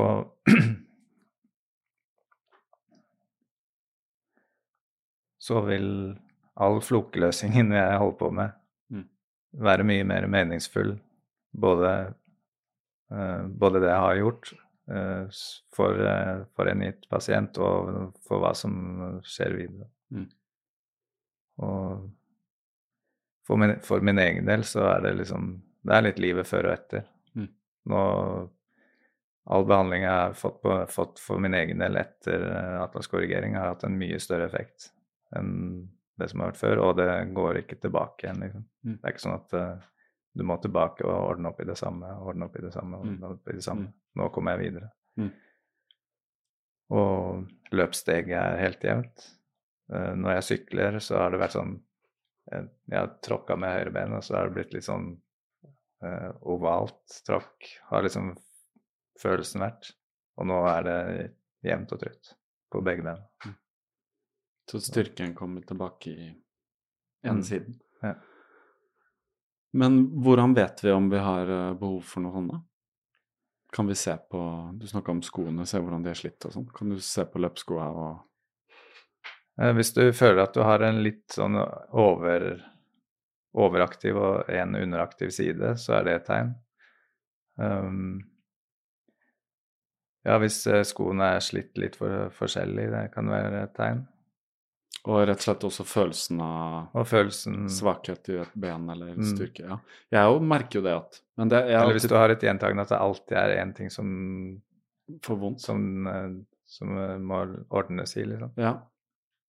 Jeg, eh, bare for å ta meg selv som et eksempel, siden jeg sitter her Mm. Og det er kan, kanskje mange kan relatere til, men jeg har høyrehendt, ikke sant, så jeg har alltid følt meg sterkest i høyre side. Men jeg har tenkt, så jeg merker jo når jeg løper at ikke sant, det er det med en klatring og sånn, Mm. eh, du løper oppover i terreng, så liksom akkurat som jeg tar i alltid mest med venstre beinet, da, siden det låret liksom kjennes sterkest. Mm. Men jeg tenkte at det er vel naturlig fordi at eh, man er høyrehendt, og, og ergo høyrebeint, liksom. Mm. Uh, men burde det egentlig være sånn da, at vi er litt sånn like sterk, i hvert fall i beina, i armen så blir det litt annerledes, for vi foretrekker vel alltid den Ja. høyre da, eller hvis ikke venstre hvis vi er kjeven.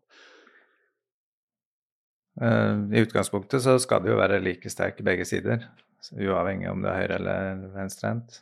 Uh, og så i hvert fall i bena. Mm. Og så vil du jo, hvis du alltid løfter ting med høyrehånda, så vil jo den selvfølgelig bli sterkere. Og så kan du stille spørsmålet hvis Atlas hadde vært på plass fra begynnelsen av, Mm. hadde det da vært en jevnere fordeling av Ja, oppgavene Ja. på høyre og venstre hånd? Det vet ikke. det kan være.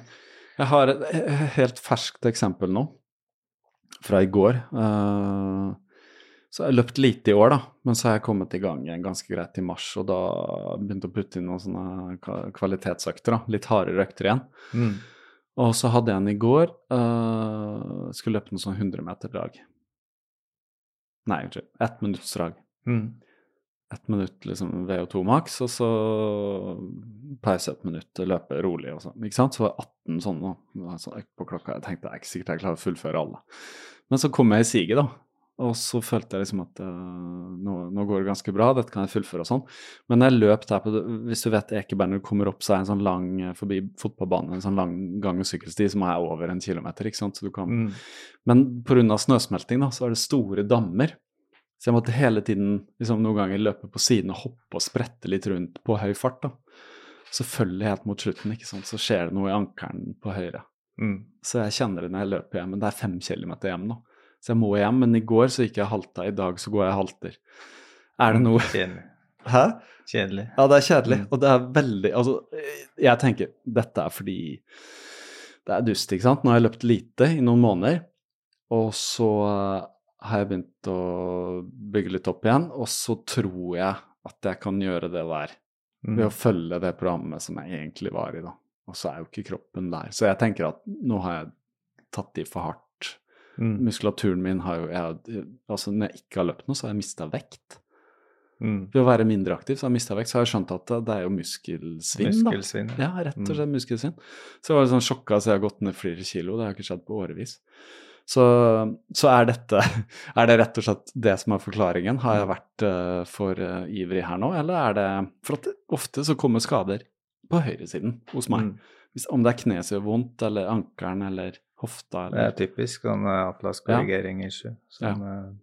vil kunne ta slutt ganske umiddelbart. For at du vet, hvis du hopper og sånt, så merker jeg alltid at jeg liksom foretrekker å lande på høyrebeinet, skjønner du? Ja. fordi jeg en... føler meg sterkest ja, det er fordi det er en, når atlas er av, så blir det en rotasjon i hofta. Mm. Og da vil du få en sånn foretrukken side. Ja. Mm. Så det kan være jeg også Jeg skal prøve å se litt på det, hvordan jeg sitter og står og sånn. Mm. Jeg kjenner meg igjen det der å stå, som jeg ofte også legger vekta på et bein, og vanskelig å stå rett og sånn.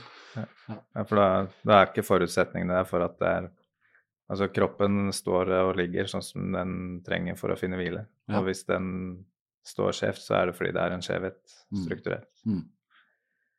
Så når den, ja. når den, blir rettet opp, så vil den strukturelle for, forutsetningen for å stå rett være en helt annen, og da blir det, da blir det å stå rett der du finner hvile. Mm. Og da er ikke, ikke noe du putter deg selv inn i. Mm. Det er ganske to forskjellige måter å gjøre det på. Mm. Mm. Er dette noe du kan kjenne ganske kjapt, eller? Kan jeg, jeg, kan kjenne det rett under ørene her, så kjenner ja. jeg det ved å gjøre sånn, som om ja. det er ikke. Ja. Mm. Men må du ha en person liggende på, på uh, holdt på å si benken? Um, eller kan man gjøre det liksom Kunne du gjort det på meg nå etterpå? Kunne du kjent på meg nå etterpå og fått en indikasjon, eller må ja, det kan jeg gjøre det mens du sitter på en stol. Ja, mm. ja. Kan vi prøve det kjapt, da. Men mm. nå tror jeg vi skal Nå har jeg dratt det så langt her, jeg vet ikke hvordan du ja.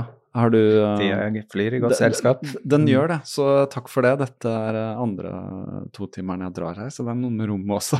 Det er ganske mm. rolig, skjer ikke noe der og skjer ikke noe der og sånn. Ja. Men har du noen planer framover med løpingen? Er det noe konkrete løp eller noe du, du skal bli med på? Jeg har jo en plan med løpingen fremover, og det er um, Jeg har vel landet på at 2023, det, som nå er det syvende året jeg løper, det blir et friår. Ehm, fra konkurranse, vel å merke. Ja. Jeg tenker at jeg skal opprettholde eh, kroppen sin evne til å ta meg med på tur når jeg har lyst til å dra på tur. Sånn at hvis noen eh, spør om jeg har lyst til å bli med på en uh, timilstur neste helg, så er kroppen min i stand til å bære det hvis jeg har lyst til å bli med. Mm -hmm. Men utover det så er fokuset mitt på å, uh, som jeg sa, et, etter Atlas korrigering så har kroppen vært en helt annen og fått en helt annen respons på behandling. Og den eh, korrigeringen fikk jeg i eh, litt over et år siden. I april i fjor. Og nå er jeg et sted hvor kroppen min tar til seg behandling og slipper veldig mye av den gamle historien og problematikken og alt som har sittet i form av spenninger i mm. kroppen siden tidlig alder. Mm.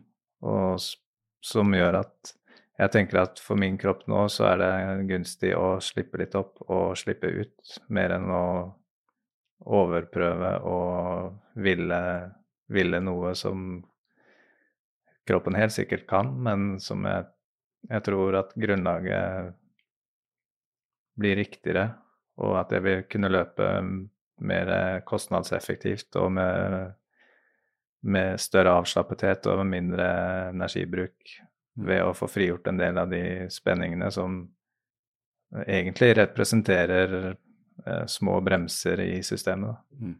Ja. Det høres ut som en veldig fornuftig Så i 2024 så kan jeg, komme, så kan jeg melde meg på løp og sannsynligvis ha veldig mange fine turer, kanskje med mye større fart enn jeg noen gang har hatt. mm. Mm. Det tenker jeg. Ja, det er en langsiktig plan, da. Mm. Nei, Jeg tror kanskje flere burde vurdere å ta seg litt sånn friår for konkurranser innimellom. Men uh, når det går bra, så er det jo vanskelig å stoppe, da. Det skjønner jeg jo. så Ja. Nei, de fleste stopper jo ikke før du liksom er såpass skada at det er, altså, Nei, det, er, det er en skade. Ja. Der er jeg ikke. Nei. Det- Eller det er andre ting som tvinger deg til å Ja. Ja, så det, dette er et bevisst valg, fordi jeg kjenner fordi jeg har kommet såpass god, god kontakt med kroppen min at jeg kjenner at nå er det faktisk vilje til å slippe her, og da er det egentlig mer det motsatte Eller det å gå ut og løpe da er en motsatt ting. Mm. Og da tenker jeg da er det mer fornuftig å la det som vil slippe, slippe, og så kan jeg heller løpe mer når, når det har gitt seg. Liksom. Ja, ja. Er det, hvem er det som behandler deg da? Eh, akkurat nå så går jeg til en kraniosakralterapeut som heter Inia Lorange på Jar. Veldig dyktig. Hun har får sluppet uh, ganske mye. Ellers Er det fysisk, liksom? Er det jobbing med kropp? er, Hun jobber med kropp, ja. Mm. Med de lange, dype strukturene. Ja. Mm. Nå sist så fikk jeg sluppet noe veldig sånn Du har sikkert kjent hvis du har vært liten og grudd deg til noe, eller Mhm. hatt noen vonde opplevelser, at jeg har fått sånn vondt i magen. Mm. Jeg tror, jeg, jeg tror at hun fikk seg frigjort en del av de vondt i magen-spenningene som har sittet i siden. Mm. Så nei, det er effektivt og dypt og Mm. ja, mange plan. Har du opplevd forresten noe ting som er sluppet taket på um, når du har lever-detoxa? Følelser som har kommet opp og sånn som er liksom vanskelig å forklare? Jeg leste en bok, skjønner du, så jeg skjønte at liksom, Mm. når man gir den eh, leveren Kan lagre gammelt adrenalin som Ja. du har fra frykt eller stress eller sånn. Eller sånn. Ja. Har du merka Eh, det? Det har, det har vært, er å være bevisst på at det kan sitte mye tilbakeholdt sinne, og aggresjon, bitterhet Ja. og jobbet med å ja, Og ja, det har vært mer, mer av det. Jeg har eh, kanskje vært mer oppfarende overfor mine kjære enn jeg pleier å være. Eh, men, men de er innforstått med at nå er det en sånn periode, og den, det er ikke en sånn diett og et sånt løp som jeg skal ha gående, så de klarer å bære over med det. Mm. Men eh, ja, det kan dukke opp eh, sånne ting. Min erfaring også, jeg hadde etter eh, så litt sånn slått ut etter covid, så begynte jeg ja, kutte alkoholen og drakk faktisk mindre kaffe og begynte å juse en del og liksom tok det meg Ja, jeg spiste også mindre. Mm. Eller jeg spiste annerledes på morgenen og sånn, um, og ga kroppen litt mer slack. Og jeg også hadde noen uh, Det der med å bli oppfaren, og jeg kjente på noe gammelt uh, sinne Altså, det, det virka jo ikke gammelt, men jeg var, reagerte voldsomt på visse ting, da. Ja, eller gamle mønstre. Ja. Som dette var en gammel måte å reagere på. Mm. Ja. Ja, Mm. jeg fikk opp noen sånne, så det var litt sånn som å skyte litt sånn i alle retninger en liten stund der. Mm. Uh, hvor jeg etterkant skjønte at mens det skjedde, så liksom rettferdiggjør man det. Ja. Mens etterpå så skjønte jeg hvor kom det fra. Det var sånn veldig underlig, da. Og så måtte du bare sånn- akseptere at uh, ok, det er en del av det hele. Ja. ja, det kan sitte mye sånn energetisk Ja. uh, i leveren. Helt Mm. klart, helt klart. Og når jeg leste om det også, så skjønner jeg at det er mye som blir liksom holdt tilbake, for det kan være overveldende i akkurat når det skjer, da. Ja. Så liksom kroppen bare redder oss litt fra å bli overvelda, og så må det detoxes litt seinere, litt og litt. Ja. Jeg leste også at det kan være på våren, så kan man leveren detoxe litt ekstra òg. Uh, overgang. Ja. Nei, det er kjempemye interessant. Vi kunne jo snakka om uh, så mye. Men uh, bare si tusen takk for at du kom. veldig sjenerøs med tid og alt. Og så håper jeg at lytterne har fått en del ut av dette. Og hvis de kjenner på ting, så, kan de, så vet de at du finnes der, og andre finnes der, og ja, at alt henger sammen. Så mm. tusen takk, Tom. Takk for at jeg fikk komme. Veldig hyggelig. Det var Tom og jeg som hadde en prat om uh, en god del forskjellige ting. Uh, det var en samtale jeg satte pris på.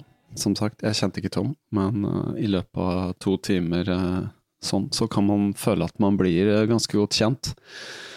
jeg håper dere har fått både øynene og øret opp for diverse som ble nevnt, som dere kanskje ikke har tenkt på før. Livet som helhetlig kontekst er tross alt mye mer enn løping. Det virker på meg for tiden som de fleste bare vil ha mest mulig informasjon om hvordan de kan uh, leve sine liv best mulig. Um, det er uh, store endringer på gang, slik jeg ser det.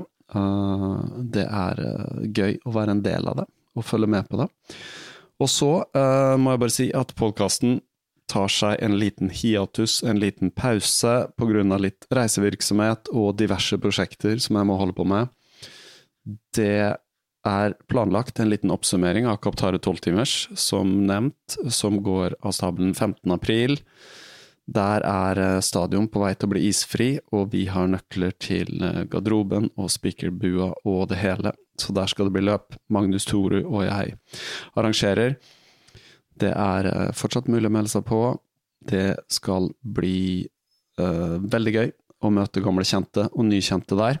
Så jeg ser fram til det. Så bare si tusen takk for lytten. Takk til alle som legger igjen anmeldelser, og ekstra stor takk til alle patrions av podkasten som støtter den for å holde gående.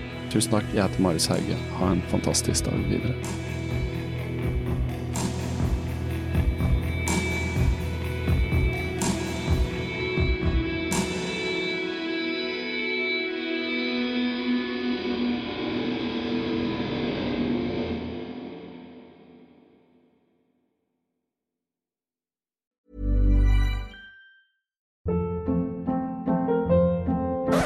Hold up. What was that? Boring. No flavor. That was as bad as those leftovers you ate all week. Kiki Palmer here, and it's time to say hello to something fresh and guilt-free. Hello Fresh. Jazz up dinner with pecan-crusted chicken or garlic butter shrimp scampi. Now that's music to my mouth. Hello Fresh. Let's get this dinner party started. Discover all the delicious possibilities at hellofresh.com.